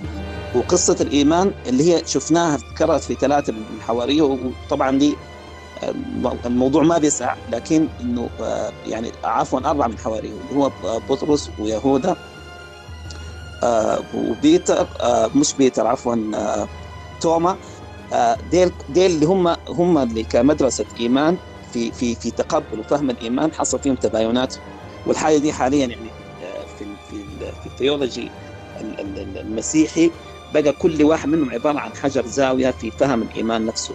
إنه في ناس بيرفضوه حتى يتقبلوه إنه في ناس بيكون عندهم عامل الشك أعلى إنه في ناس بيكون وهكذا دواليك يعني. التباين ده هو نفس الموجود اللي استخدمه آه، العقاد في فيلم الرسالة لكن هو ما كان تباين في فهم الإيمان. بالعكس إنه هو الإيمان واحد وإنه هو ما بيتجزأ وإنه هو ما بيتغير. لكن هو كان تباين عشان آه، الشخصيات اللي تقدمت كلها آه، كان تباين إثني. بتلقى فيه بلال وصهيب الرومي وعمار بن ياسر آه، اللي هم كانوا بيمثلوا المستضعفين. وفي نفس الوقت يعني هي نواة للعدالة الاجتماعية. واحد. اثنين إن هي الرسالة إن رسالة الإسلام هي رسالة عالمية للعالم كله. عشان كده هو كان يعني استصحب الإثنية في الحاجة دي. إضافة لكده كان ال protagonist في القصة هو الرسول صلى الله عليه وسلم القصة مبنية عليه لكن الرسول صلى الله عليه وسلم كشخصية ما موجودة يعني هي هي شخصية موقف. فاستعاض عن الحاجة دي بال protagonist اللي هو كان حمزة حمزة رضي الله عنه. آه، برضه ما كنا حنقدر يعني أنا قصدي لو كان هي سيرة ذاتية أصلا وإنه إحنا ما بنقدم قصة الإيمان ذاتها أو قصة الرسالة. كان المفروض نتعرض للرسول صلى الله عليه وسلم في قصته مع مع خديجة مع مع عمه أبو طالب والحاجات دي يعني. لكن القصة كلها يعني وده كان ذكاء آه، يعني يعني بديع من العقاد الله يرحمه انه هو حاول يقدم رساله الرسالة بحيث إن هي تناسب المتلقي الغربي اللي هو كان الوقت ذاك هو يعني امبيجوس وجاهل جدا على موضوع ال ال ال ال الإسلام أصلا كدين. وقاعد مكفول في حتته اللي اللي هو اللي هو فيها. فكان إنه هو يعني يوقع على ضرب العدالة الاجتماعية وعلى وعلى وعلى مسألة ال overcome والانتصار للاقليات وعلى مسألة إنه الخروج من من من من الضيق إلى إلى سعة العالم والحاجات دي. فكان دي حاجة ممتازة كان عملها العقاد. في في في فيلم Passion of the Christ زي ما قلت لكم كان في يعني ال arc أو قمة الهرم اللي هو معاناة المسيح على أساس إنه إحنا نوصل لمرحلة الإيمان القصوى بالنسبة له والحاجة اللي عملها للعالم وتحته بيتضافر عليهم مفهوم التفاسير المختلفة للإيمان ومفهوم الصراع مع مع الشيطان والشك والحاجات دي اللي هي كانت موجودة في القصة وده طبيعي إنه حتلقى مثلا انه إنه ماري ماجدولين ولا ولا ولا شخصية مريم عليه السلام في اللحظة دي إحنا بنتكلم عن 12 ساعة ما حيكون موجودة أصلا بطبيعة الحال. آه إضافة لكده إنه إنه هو عمل يعني من الحاجات اللي أنا أنا أعتبرها إنه إنه إنه بدع فيها بالمناسبة زي ما إنه التف على على بعض الأسئلة الشائكة في في الموضوع ده لو كانوا حياخد ال timeline أطول من من من 12 ساعة. بداية اولا إنه في خلاف أصلا عن يعني خلاف كبير خالص عن عن عن تاريخ ولادة المسيح نفسه طبعا تاريخيا الناس كلها عارفة انه المسيح ما اتولد ابدا في الفترة اللي إحنا اللي إحنا فيها. يعني يعني أنا قصدي كتصحيح تاريخي أتى فيما بعد. الشيء الثاني انه إنه الولاده اللي هي اللي هي مربوطة بالتقييم الجورجيان برضه طلعت غير صحيحة إنه هو بالعكس التقويم الجوليان هو الأصح اللي هو يعني بعد سبع سنين وأسبوعين تقريبا من من من المواعيد اللي إحنا ماشيين عليها دلوقتي. فالحاجة دي كلها نطاها ميل جيبسون. آه نطى آه برضو السياق بتاع آه بتاع تشعيب الفكرة. يعني لو لو أنت شفتها في البازوليني بتلقى إنه في إعادة نبش في في في في الفكرة على أساس انه إنه يفتح فيها طرق لحلول درامية. آه نفس الحكاية عملها في Passion of the Christ سكورسيزي لكن هنا لا هو كان الفكرة ماشيه ماشيه بحد آه بحد عفوا بشفرة حادة وهي بتخترق في اللحم عشان توصلك بس للنهايه من دون ما يكون في اي أي تفاسير جانبية أو حبكات جانبية أو حاجة زي كده. المأخذ اللي كان طبعا هو ما هو ما مأخذ يعني مسألة دم المسيح في يد اليهود وكده الحاجة على فكرة دي المكتوبة يعني يعني أنا قريت النسختين والحكاية دي في حكاية إنه إنه إنه إنه الرومي خيرهم ما بين باراباس وبين وما بين وما بين المسيح في الصلب هم اللي هو سامعين القصة اللي كان يتسلب يتسلب وإنه هو يعني اختاروا فيه المسيح. طبعا ميل جيبسون بيعتبر يعني يعني ما حقول كاثوليكي راديكالي لكن هو يعني متمسك بالحاجة دي شديد. والنكتة انه هو كان يعني ده, ده الفارق يا جماعة برضه والشبه بين الاثنين بين جيبسون والعقاد الله يرحمه. إنه إنه العقاد كان كان يعلم يقينا الموضوع ده صعب قدر شنو؟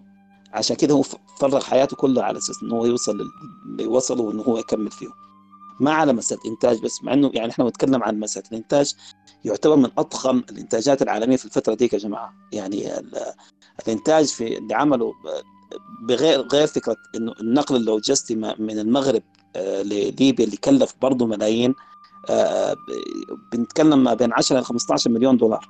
10 ل 15 مليون دولار في الوقت ذاك كان بيعادل يعني 150 200 مليون حاليا يعني. يعني أنا أتذكر إنه في الفترة دي كان فترة الست... الستينات يعني هو كان كلينت إيستوود على سبيل المثال كان بيقول بيقول يا أخي الأفلام دلوقتي بتكلف 6 مليون 6 مليون دي أنا ممكن أقلب بها أقلب بها حكومة في في في في في دولة عديد كده. إضافة لكده إنه هو راعى زي ما قلت غير مفهوم الذهنية اللي المتلقي الغربي. يا أخي إنه هو لما مشى أصلا حيختار ال cast يا أخي مشى لل top ال top في ناس السينما الكلاسيكية. يعني ودي ودي حاجة يا جماعة بالمفهوم بتاع زمان. هوليوود ذاتها ما كان قادر تعمل casting زي ما عمل العقاد يعني.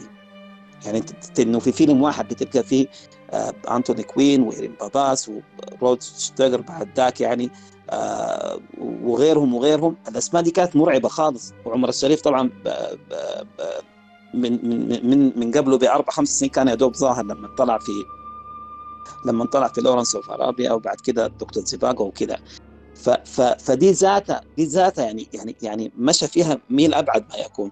اختيار موريس جار أصلا اللي هو يعني. يعتبر من اساطين الموسيقى التصويرية في في في 20 سنة من من عمر السينما. ماخذ أو ترشح تقريبا في ثلاثة أوسكارات لو ما أخذ ثلاثة أوسكارات يعني. فانه هو يرفع ال scale للدرجة دي ولحد أعيد وأكرر للأسف الشديد لحد الآن ما في واحد قادر يمشي ربع المسافة اللي هو اللي هو كمل فيها مصطفى العقاد. الحاجة الوحيدة اللي كان مأخوذة عن على على على على ميل جيبسون في ال في ال في ال adaptation اللي هو قدمه مع إنه أنا شايفه بالمناسبة يعني يعني باين الفرق كمعيار فني. أنا قصدي كلمسة بتاعت مخرج يعني باين باين الفرق الشاسع ما بين المقاربة بتاعت العقاد وما بين ميل جيبسون مع الفارق طبعا لأنه معروفين ده كان أول فيلم وميل جيبسون كان لا بعد إحنا بنتكلم عن عن أكثر من 70 80 فيلم طلع في على نفس الموضوع. يعني في آخر خمس سنين بس يعني حسبت من 2013 14 لحد آه لحد 2014 بداية مثلا من من من 2005 في أكثر من 9 10 أفلام يا جماعة. حصل في ضخ كثير في في الأفلام بين قوسين أفلام المسيح يعني. ومع كده ما في ولا واحد منهم قدر يصل ربع اللي, اللي عمله ميل جيبسون يعني. النكتة في في الحاجة دي إنه زي ما كان تعب مصطفى العقاد أصلا في إنه يجيز النص من المنظورين هال كريج من ناحية والست بتاع الكتاب اللي هم كانوا زي ما هو كان بيختاروا في موضوع السيرة. عشان كده هم ما, ما كملوا كل حاجة يعني فيها يعني لو إحنا أخذنا فيها. آه بنلقى انه انه انه إنه الاثنين برضه كلفوا نفسهم كقيمة مادية. آه بحيث إنه جيبسون عارف انه إنه الفيلم ده ما في زول حيقدر يعني أو أو حيفكر إنه يشاركوا معاه. فكان الإنتاج هو من, من نفسه إنتاج بالكامل. آه النكتة دلوقتي إنه هو حاليا شغال في, السيكول إنه حيعمل دلوقتي الفيلم عن عن عن القيامة.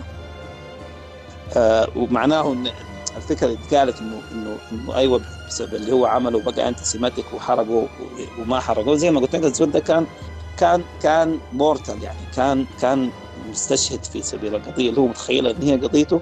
عشان كده ما كان عنده مشكلة إنه يكمل حتى الأخير. آه يتخيلوا إن الفيلم ده مقارنة بالأفلام يعني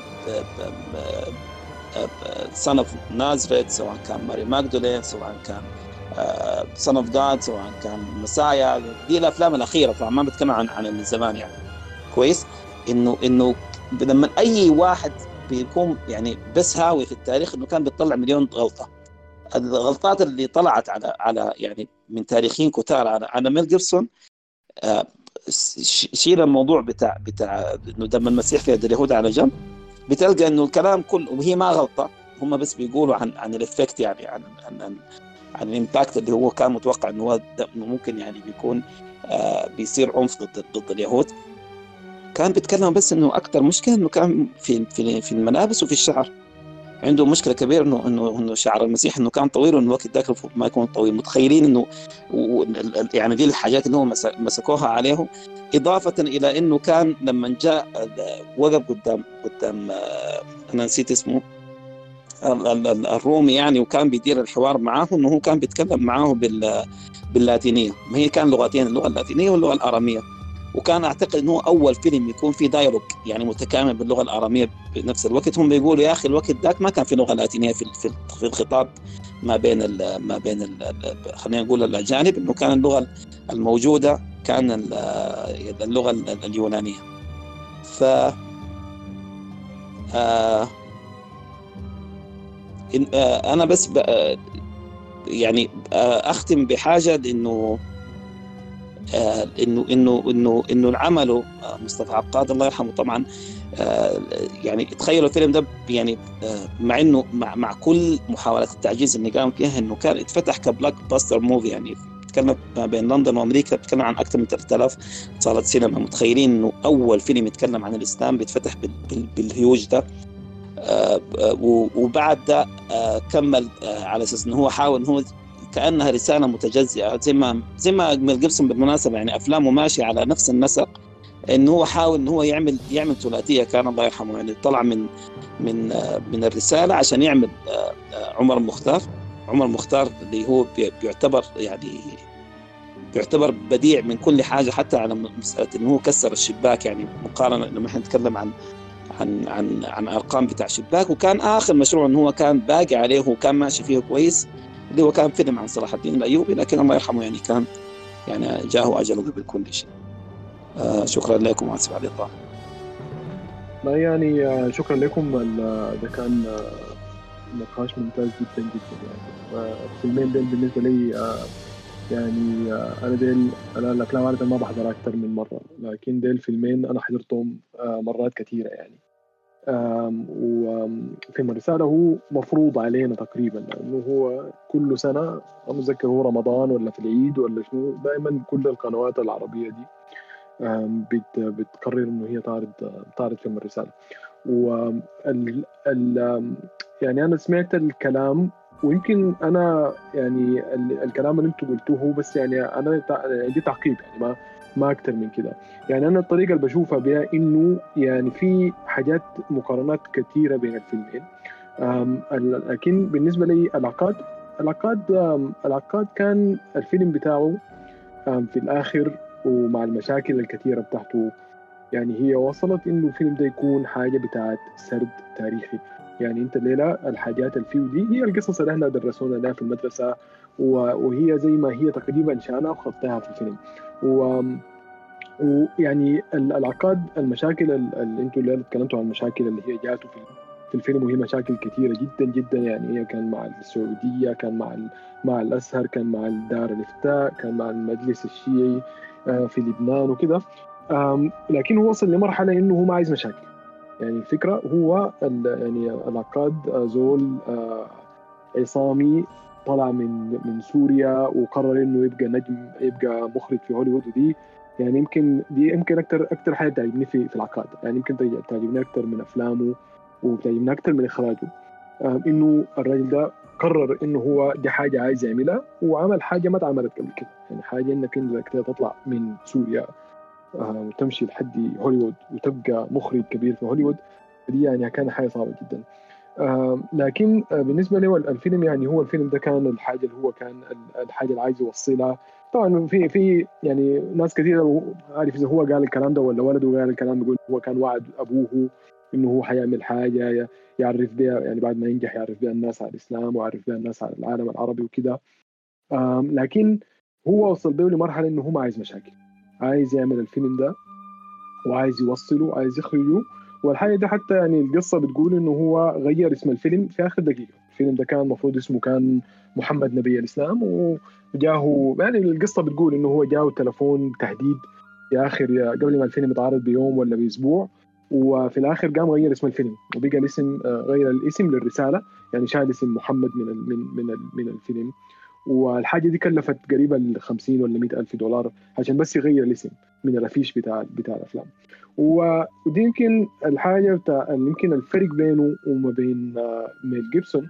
ميل جيبسون هنا ميل جيبسون قرر إنه يعني أنا الحاجة الموجودة القصص اللي اتحكت الحاجة دي ما authentic الحاجة دي ما حقيقية أو, ما ما أصلية. يعني ما بتوصل الحاجة اللي إحنا اللي أنا عايز أوصلها. يعني زي ما العقاد شال الحاجة بحذافيرها ويعني من غير أي حاجة فيها آه زي بيقولوا زي بيقولوا controversy أو اثاره للجدل قام طوالي شاتها برا على أساس إنه ما عايز مشكلة مع مع السعودية وكذا طبعا المشكلة الاساسيه إنه بقت في حاجات أساسية في الفيلم. أنت الليلة السعودية قالت لي وإحنا عايزين فيلم من غير ما توري من غير ما تورينا ال- الوشوش وكذا آه مش كده هم قالوا إحنا التصوير حرام ذاته. قالوا الموسيقى حرام.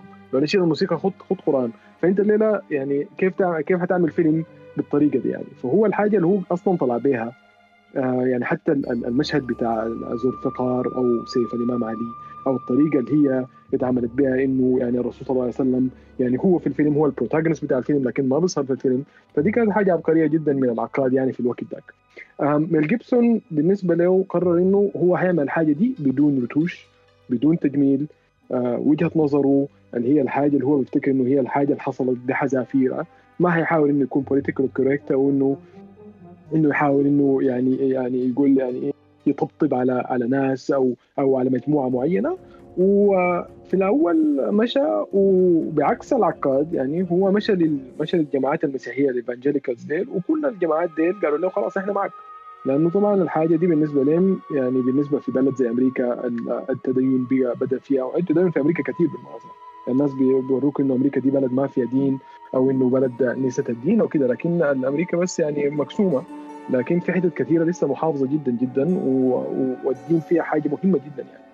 آم، لكن آم، ميل جيبسون قرر إنه هو هيعمل الحاجة دي حسب رؤيته الشخصية للحاجة دي ومشى بيها والفيلم في الآخر جاب له مشاكل كثيرة جدا زي المشاكل اللي يعني جات للعقاد فلكن يمكن حتى أكثر. لأنه ميل جيبسون لقى نفسه خاش في مشكلة مع اليهود. يعني الفيلم بتاع ال Passion Christ الناس يعني تقريبا تم اختياره كواحد من ال most controversial movies of all time يعني أكثر فيلم مثير للجدل في التاريخ. و ويعني الجماعات اليهودية قامت ضده. والحاجة ال- يعني ال ال ال يعني هو قالوا إنه الحاجة دي معادية للسامية. وأنا هنا بس بحاول أربط بين الاثنين يعني أنت الليلة ميل جيبسون قالوا له أنت فيلمك ده معادي للسامية. وفيلمك ده يعني بيسيء لل- للمسيحية المتسامحة أو لو عايزين ال- ال- المسيحية الوسطية الجميلة. كويس. لكن ال- ال- ال- العقاد وصل لمرحلة إنه الجماعة قالوا له يا أخي أنت بتحاول إنك أنت تجمل الحاجة دي زيادة عن اللزوم. أنت الفيلم اللي هو المفروض يكون حاجة تاريخية كده بقى عمل دعوي أو بقى زي لو عايز بروباغندا إسلامية. فتقريبا يعني هو الفيلم بال... بال... بال... تقريبا يعني بقول شنو جاب لهم الهوى الاثنين يعني. هو العقاد يعني كان نهايته في الآخر إنه يعني لقى نفسه آه، اتوفى أو مات على يد الجماعات الإسلامية. يعني هو في الآخر الدين هو اللي قتله.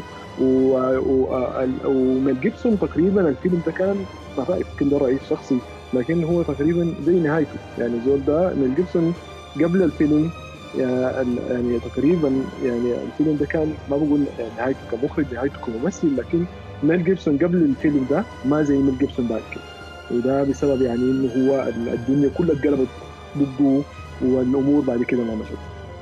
فدي يمكن بس الحاجة اللي كنت عايز اقولها عن التقريب ما بين الاثنين ال- الحاجة ال مثلا يعني هي يمكن ال- ال- قبل كان السؤال هل يعني ال ال ال ال ال افتكر الحاجة اللي كان معلش أنا أنا ما متذكر أسامي ال- ال- ال- ال- المتحدثين قبل أنا يمكن الكلام كان عن إنه آه، المو... ال- الحاجة اللي أفتكر هم كانوا عايزين يوصلوا لها هي ال- المفهوم بتاع ال self flagellation ال self flagellation اللي هو جلد الذات. والحاجة دي موجودة في المسيحية وموجودة في الأسفار يعني حتى سفر بولس وكده إنه موضوع chastity إنه يعني أنت تعاقب روحك. والحاجة دي موجودة يعني في السينما موجودة كثير يعني الليلة موجودة في آه، أنا ممكن لو متذكر يعني فيلم دافنشي كود مثلا. يعني إنه هي الفكرة إنه أنت بتحاول إنه أنت تعذب نفسك أو تعاقب نفسك ودي طريقة إنه يعني أنت بتتذكر إنه المسيح في آخر آه، في في الأخير كان مر بالتعذيب ده وهو على الصليب وعاش الآلام دي وده كان جزء من الخلاص يعني وجزء من الجزء اللي هو يعني حتى وهو بالجلد في الآخر ده كان جزء إنه كله مع كل جده كان بيتقرب لربه أكثر وكان كنوع من التطهير بالنسبة له. فالناس المسيحية أخذت الحاجة دي وبعد كده يعني أنت ممكن تقول إنه يعني الحاجة دي موجودة في اليهودية برضه لكن ما ما بالشكل ده. وبرضه موجودة عند الشيعة يعني. والشيعة يعني الحاجة بتاعت التطبير أو الضرب بالسلاسل أو شق الرأس والكلام ده. فدي الحاجة دي برضه موجودة. وهي الفكرة هي يمكن تقريبا هي ذاتها. يعني الفكرة إنه أنت بتحاول آه، زي ما هو المسيحيه بتقول لك إنه أنت الفكرة إنه المسيح ده ضحى مش ضحى بنفسه يعني لكن هو آه، يعني هو اتصلب على الصليب عشان يخلص آه، يخلص ال- البشرية وإنه يكون يعني هو الفكرة بتاعت الخلاص وإنه دي هي كانت التضحية الأبدية وكده يعني إنه يعلم الناس الدرس بتاع التضحية وكده. ونفس الفكرة بالنسبة لي الحسين عليه السلام يعني آه، أو الحسين رضي الله عنه يعني هو تعتمد أنت على السيد ده مع مع اي طائفه هنا يعني. فهو الإمام الحسين الفكرة إنه هو كان يعني الناس يقول لك هو سيد الشهداء أو هو ال- ال- المثال الأعظم بالنسبة للتضحية. لأنه هو الإمام الحسين قرر إنه هو في لحظة إنه يعني زي ما قال غاندي يعني قال غاندي هو آه، علمني الحسيني الحسين أن أن أن أن أن أكون مغلوبا فأنتصر. ده, ده يعني هو ده, ده كلام غاندي اللي هو أصلا غير مسلم. فالفكرة إنه آه، الحسين آه، قرر إنه هو إنه يطلع وأن ال- ال- ال- ال- الناس اللي هو يعني بعد ما هو يعني طلع في حاجة ما متكافئة واستشهد وبعد كده أو ال- ال- الناس اللي حوالينه أو أو أهل العراق مثلا بيقوا عايشين في حاجة بتاعت بتاعت إنهم آه، يعني أقول شنو مثلا؟ بقول إنها زي آثار نفسية كده متراكمة كده. يعني هم الفكرة إنه أنت خذلت الحسين أنت بتعيش في الذنب. ده عقدة الذنب تقريبا. هي عقدة ذنب أنت بتعيش فيها وبتحاول إنك أنت كل ما تنساها تقوم تذكر نفسك بها وتذكر نفسك إنه أنا الحسين ده اتعذب بالطريقة دي. طبعا هو القصة بتاعت الحسين القصة لحد حسي أنا قريتها في اربعه أو خمسة مراجع. وهو طريقة الوفاء. لسه الناس مختلفة عليها. طبري بيقول إنه هم قطعوا الرأس وبعدين جروا ما عليه بالأحصنة وكده وماشيين جايين وبعدين في أكثر من زول اختلف في الحاجة دي. فهو يعني ال- الوفاه بتاعه الحسين في في الآخر كانت على أساس إنه هي حاجة وحشية جدا جدا وكان فيها عذاب شديد وهي نفس الفكرة بتاعت ال ال ال ال الوفاه بتاعت أو أو صلب المسيح بالنسبة للمسيحيين.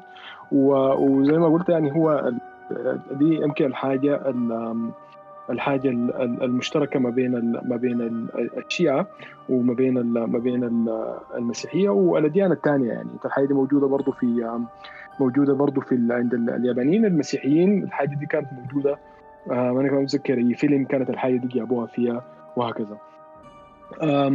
بس ال- النقطة الأخيرة اللي أنا يمكن كنت عايز أتكلم عنها بس هي النقطة ال- الشيطان في في الفيلم بتاع ال Passion Christ أو آلام المسيح و- والحاجة دي آه، يمكن أكتر دي أكتر حاجة يتكلموا عنها الناس بالمناسبة. ال- إنه الطريقة اللي هو آه، ظهر بها الشيطان في الفيلم.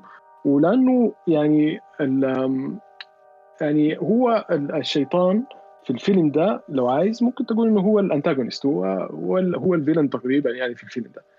والطريقة اللي هم ظهروه بها لأنه أنت الليلة الشيطان يعني على حسب الحاجة دي ما موجودة إنه هو رجل في في الحكاية دي في في, ال- في الإنجيل ذاته ما موجود. أنت الليلة موجودة الحاجات كثيرة إنه الشيطان أصلا لا رجل يعني في يعني بيعتمد أنت الليلة وعند هوليوود هوليوود مرات كثيره ما بتظهر بتظهر لك الشيطان ده إنه ما يعني ما ليس برجل وليس بامرأة وهو كائن حاجة كده في النص.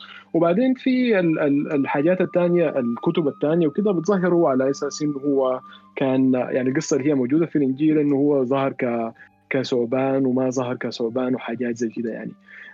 لكن الجزء ده أنا يخيل لي كان جزء ممتاز جدا الحاجة دي.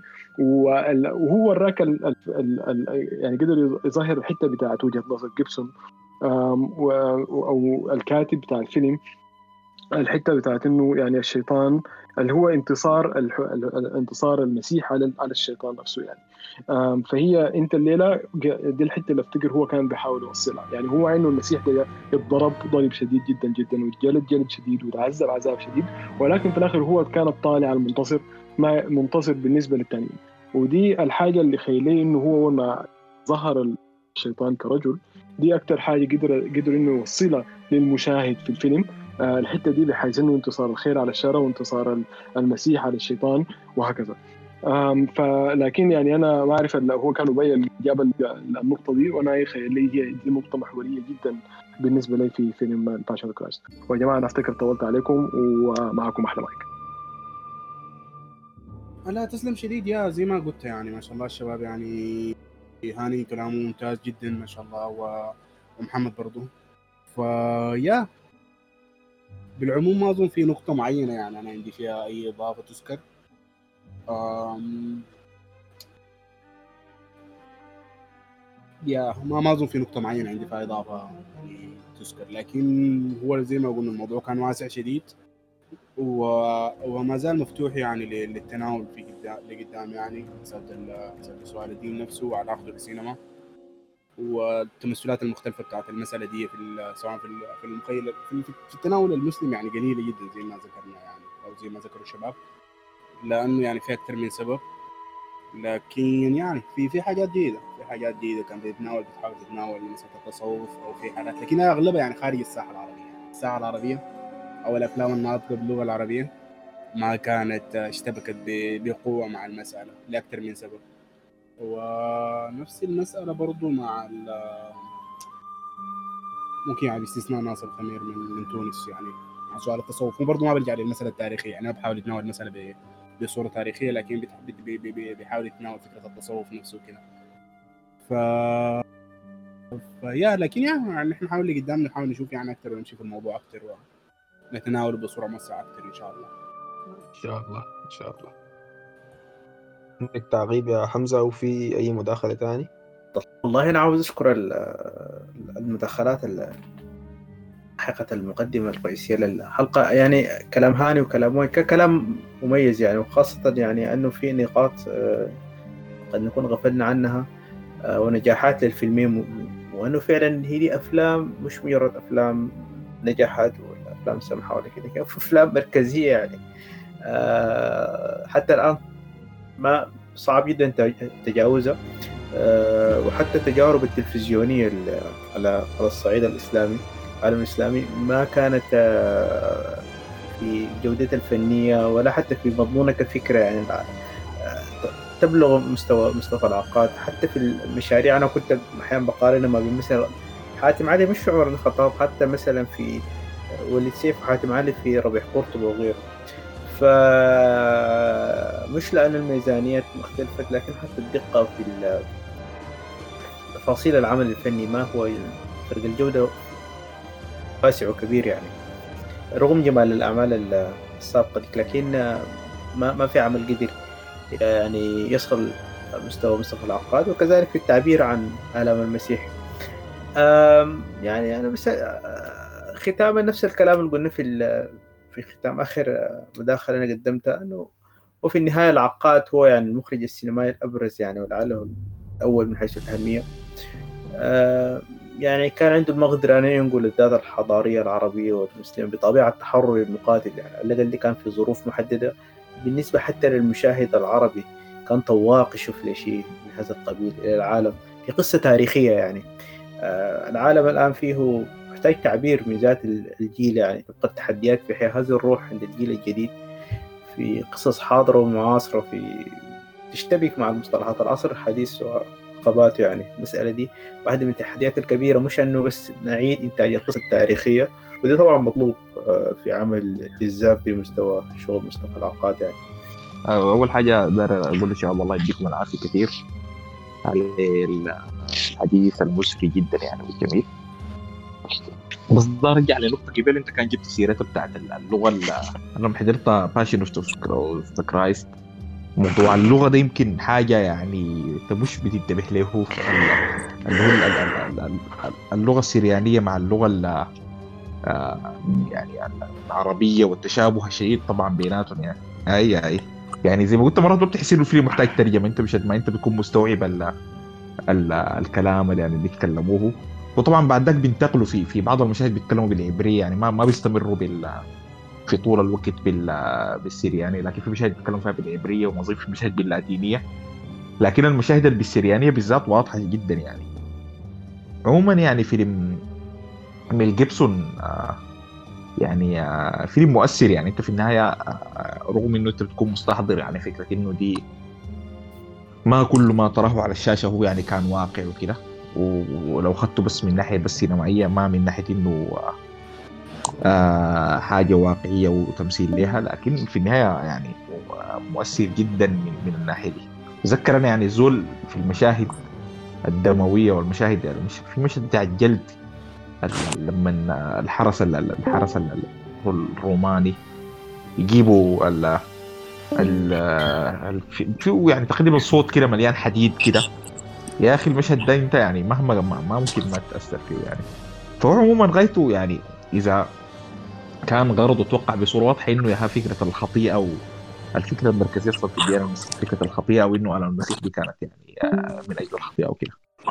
فبس دي الحتة اللي كنت أعلق عليها.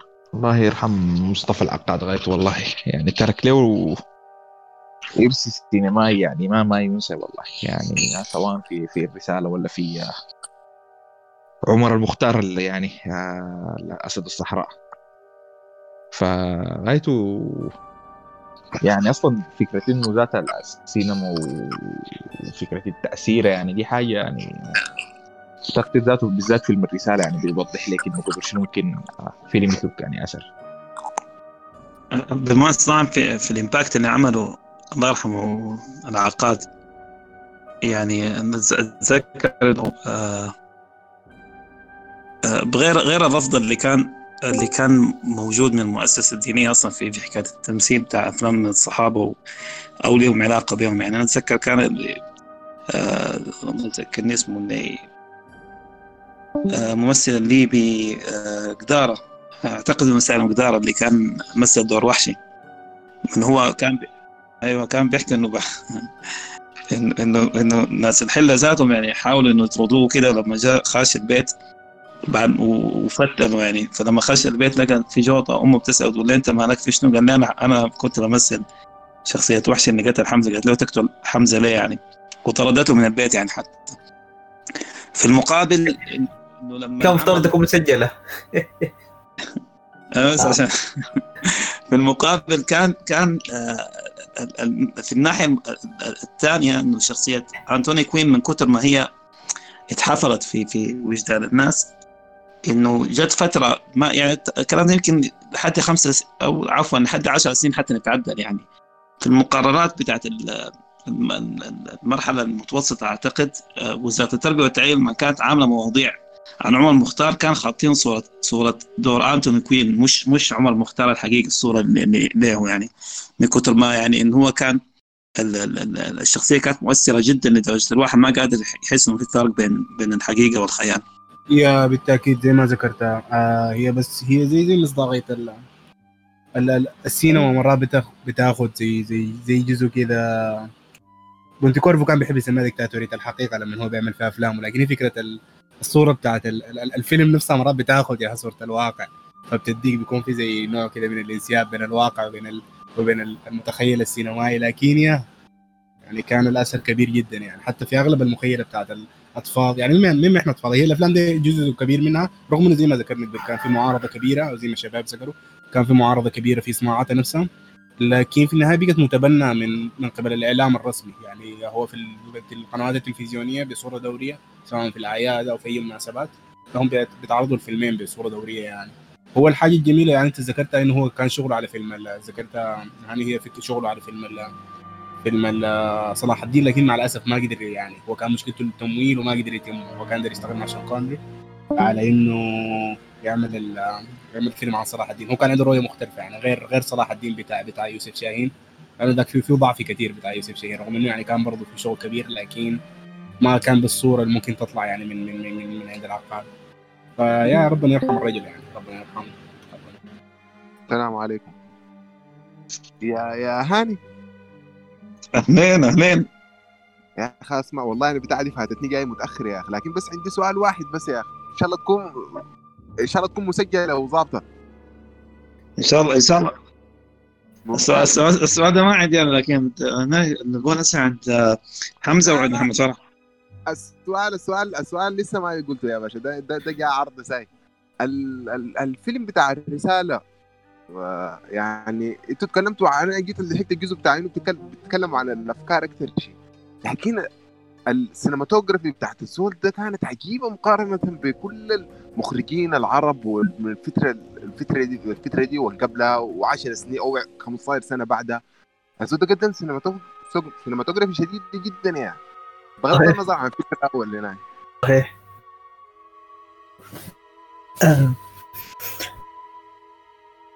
توظيفه لل crane ذاته كان بشكل آه، الحركة بتاعت الكاميرا بتاعت ال crane دي كانت كثيفة.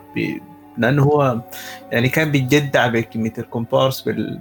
بالعمارة اللي بناها كان فيها شغل رهيب جميل يعني أول عرض له مثل المجتمع الجاهلي بداية الفيلم اللي هو الصفات المختلفة و آه، الذبائح والصلوات. وفي هجرات جاية من مجتمعات عربية أخرى بتطوف. فحركة الكاميرا في البداية بتتحرك فيها شغل فيها شغل رهيب. بعدين في إدارة للممثلين بالحجم الكبير ده كله في شغل في شغل مجنون يعني. إضافة لمشهد الحروب يعني.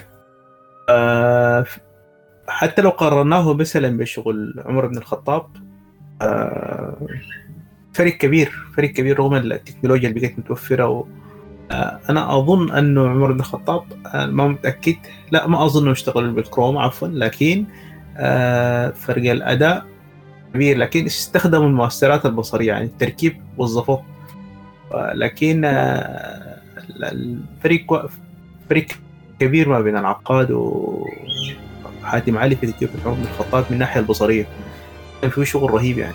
والله أنا أنا ما شايف ان للأسف زي ما قلت لك إنه يعني الواحد بيحس بإحباط إنه آه، يعني ما يعني أنا قصدي يعني خد الطريق تقريبا 45 سنة بين الفيلمين أو بين العملين.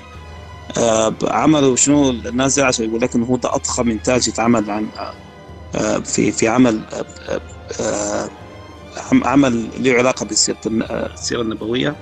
آه، بنوا مدن آه، العقاد بنى مدن. آه، كان في في مسألة المعارك يمكن هو اللي حصل بس إنه هو اللي هو التيك كراود اللي كان بيعتمد عليه حاتم علي الوقت ذاك ما كان موجود التقنية دي عند عند مصطفى العقاد. كان بي- بيتعامل مع مع كومبارس حقيقي. ومعروف انه إنه يعني انه إنه العن حاجة بيتعامل معاها المخرج في عشان يطلع منه شغل. هو الكومبارس والأطفال وال- والحيوانات يعني. فكان الموضوع متعب شديد حتى في مسألة الدبل تيك. إنه بياخذ المشهد بيصوره بالنسخة العربية بيعمل كت بيجي الممثل بتاع النسخة الأجنبية عشان يعمل يؤدي نفس الدور يعني. إنه الكلام ده إنه الكلام ده اتعمل في في في في الستينات يعني أو أو أو يعني أو يعني مبكرا يعني أنا قصدي يعني حاجة يعني يعني حاجة تعتبر خرافية. في المقابل ال- السينمائية ولا هو الإنتاجية؟ يعني بقت أحسن بكثير خالص لكن لحد الآن زي ما قلت لك ما قاعدين نطلع من من يعني يعني من من عباية مصطفى العقاد في تصوره أصلا للسيرة في تصوره للشخصيات في في في في في حركة ال- المحيط بتاعت القصة يعني. مع الفارق انه إنه على الأقل لو خلينا النسخة الأجنبية يعني النسخة العربية يعني الدور اللي عمله عبد الله غيث الله يرحمه ومنى واصف آه يعني يا أخي دي, دي, دي أدوار خالدة يعني ما ما ما ما, ما بتنسى أصلا يعني. حتى كان في آه نسيت اسمه الله الله يرحمه اللي كان مثل دور النجاشي كان كان من أجمل الأدوار اللي تقدمت على على على شاشة بتاعت السينما يعني. آه بس لو في ملاحظة بسيطة في ال- في الجانب البصري ربما يعني جل من لا يخطئ. لا يعني فيها فيها لعل ما كانت آه، دقيقة كفاية كمثال ال- غار حراء يعني. آه، صور مشهورة لغار حراء أنه هو في أعلى قمة الجبل. يعني شكله ذاته مختلف في أعلى القمة. فبتلقى تصويره في الفيلم في نص الجبل كده وكأنه كهف كده. فغار حراء هو ذاته يعني فكرته أنه في أعلى أعلى قمة الجبل وفي فتحة كده زي كأنها فتحة من أعلى يعني الدخول له. آه، فهنا كانت المسألة دي آه، ما كانت دقيقة كفاية في الفيلم.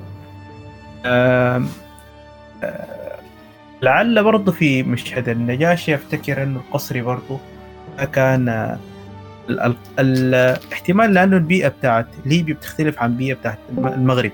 أظن كده لأنه معروف أنه المغرب فيه قصور كثيرة جدا لو أنت عاوز تصور قصور كثير جدا ممكن تختار أنك تختار ال ال الشكل المناسب للمشاهد بتاعتك عشان تصويره فتلقى إنه الأبعاد لما هو الفيلم طبعا اسمه الرسالة وأنا زي ما قلت إنه هو مسألة النصرة دي في حاضره شديده عند عند العقاد إنه بيبدأ بأنه الرسالة انتشرت يعني في في في الروم آم، في- الروم الفرس و وفي الفراعنة يعني مصر فبتلقى إنه. صار حتى عند النجاشي صار القصور ال- اللوكيشن بتاع القصر الداخلي ما كان كان محدود بسيط ما كان بالقوة بتاعت ال- القرية أو المدينة المنورة أو مكة أو كده يعني. الشغل عليها ما كان كافي.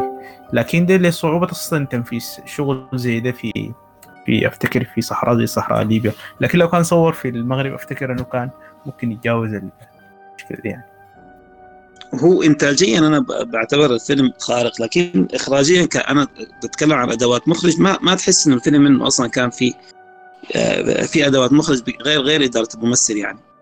يعني عملوا اللي يعني يعني لو انت عايز الواحد عايز يتكلم عن العقاد كمخرج أنا ما بعتقد إنه الرسالة يعني الواحد بيتذكر وبقدر ما بيتذكر عمر المختار مثلا. آه، لأنه كان معتمد أصلا على اللقطات ال- الواسعة وال medium shots ما كان في sequences الا في المشاهد بتاعت القاتل. يعني أنا أتذكر الفيلم ده لما شفته بالنسختين أنا حبيت النسخة الإنجليزية أكثر من النسخة العربية شديد آه، يعني في مشاهد يعني بس هو مشهد ال- ال- ال- الكعبة ولما جاء فتح مكة ده كان فيه سيكونس حلو يعني بتاع بتاع إخراج. في المشهد ال- ال- ال- المفتتح في في في النسخة الإنجليزية يمكن يعني كان عجبني خالص في في في طريقة ال- التدرج لحد ما نصل للقصة. آه، في المشهد بتاع هند بنت عتبه ولما بعد بعد ما مات أخوها وأبوها وهي كانت عايزة تحاول تنتقم منهم وجاء وحشي في في المشهد اللي هو كان بتاع الرقص و دي دي يمكن بس تحس إنه في في شغل بتاع بتاع مخرج. لكن في المقابل اللي هو لا كان معتمد على أساس إنه زي ما قلت لك ما بي ما كان بيحاول إنه إنه يفتح على نفسه أبواب بتاعت مشاكل كثيرة اعتمد على الكاميرا perspective في في الشخصيات ال- ال- ال- ال- ال- ال- المعمى زي زي شخصية الرسول صلى الله عليه وسلم وعلي بن أبي طالب.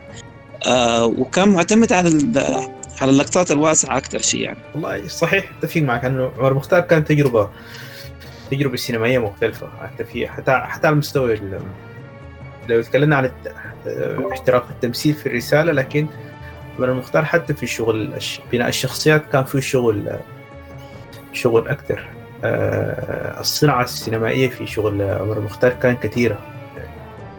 آه، أنا سعيد إني أكون معاكم ولعل إن شاء الله نكون قدمنا حاجة تكون مفيدة. وشاكر لك. شكرا.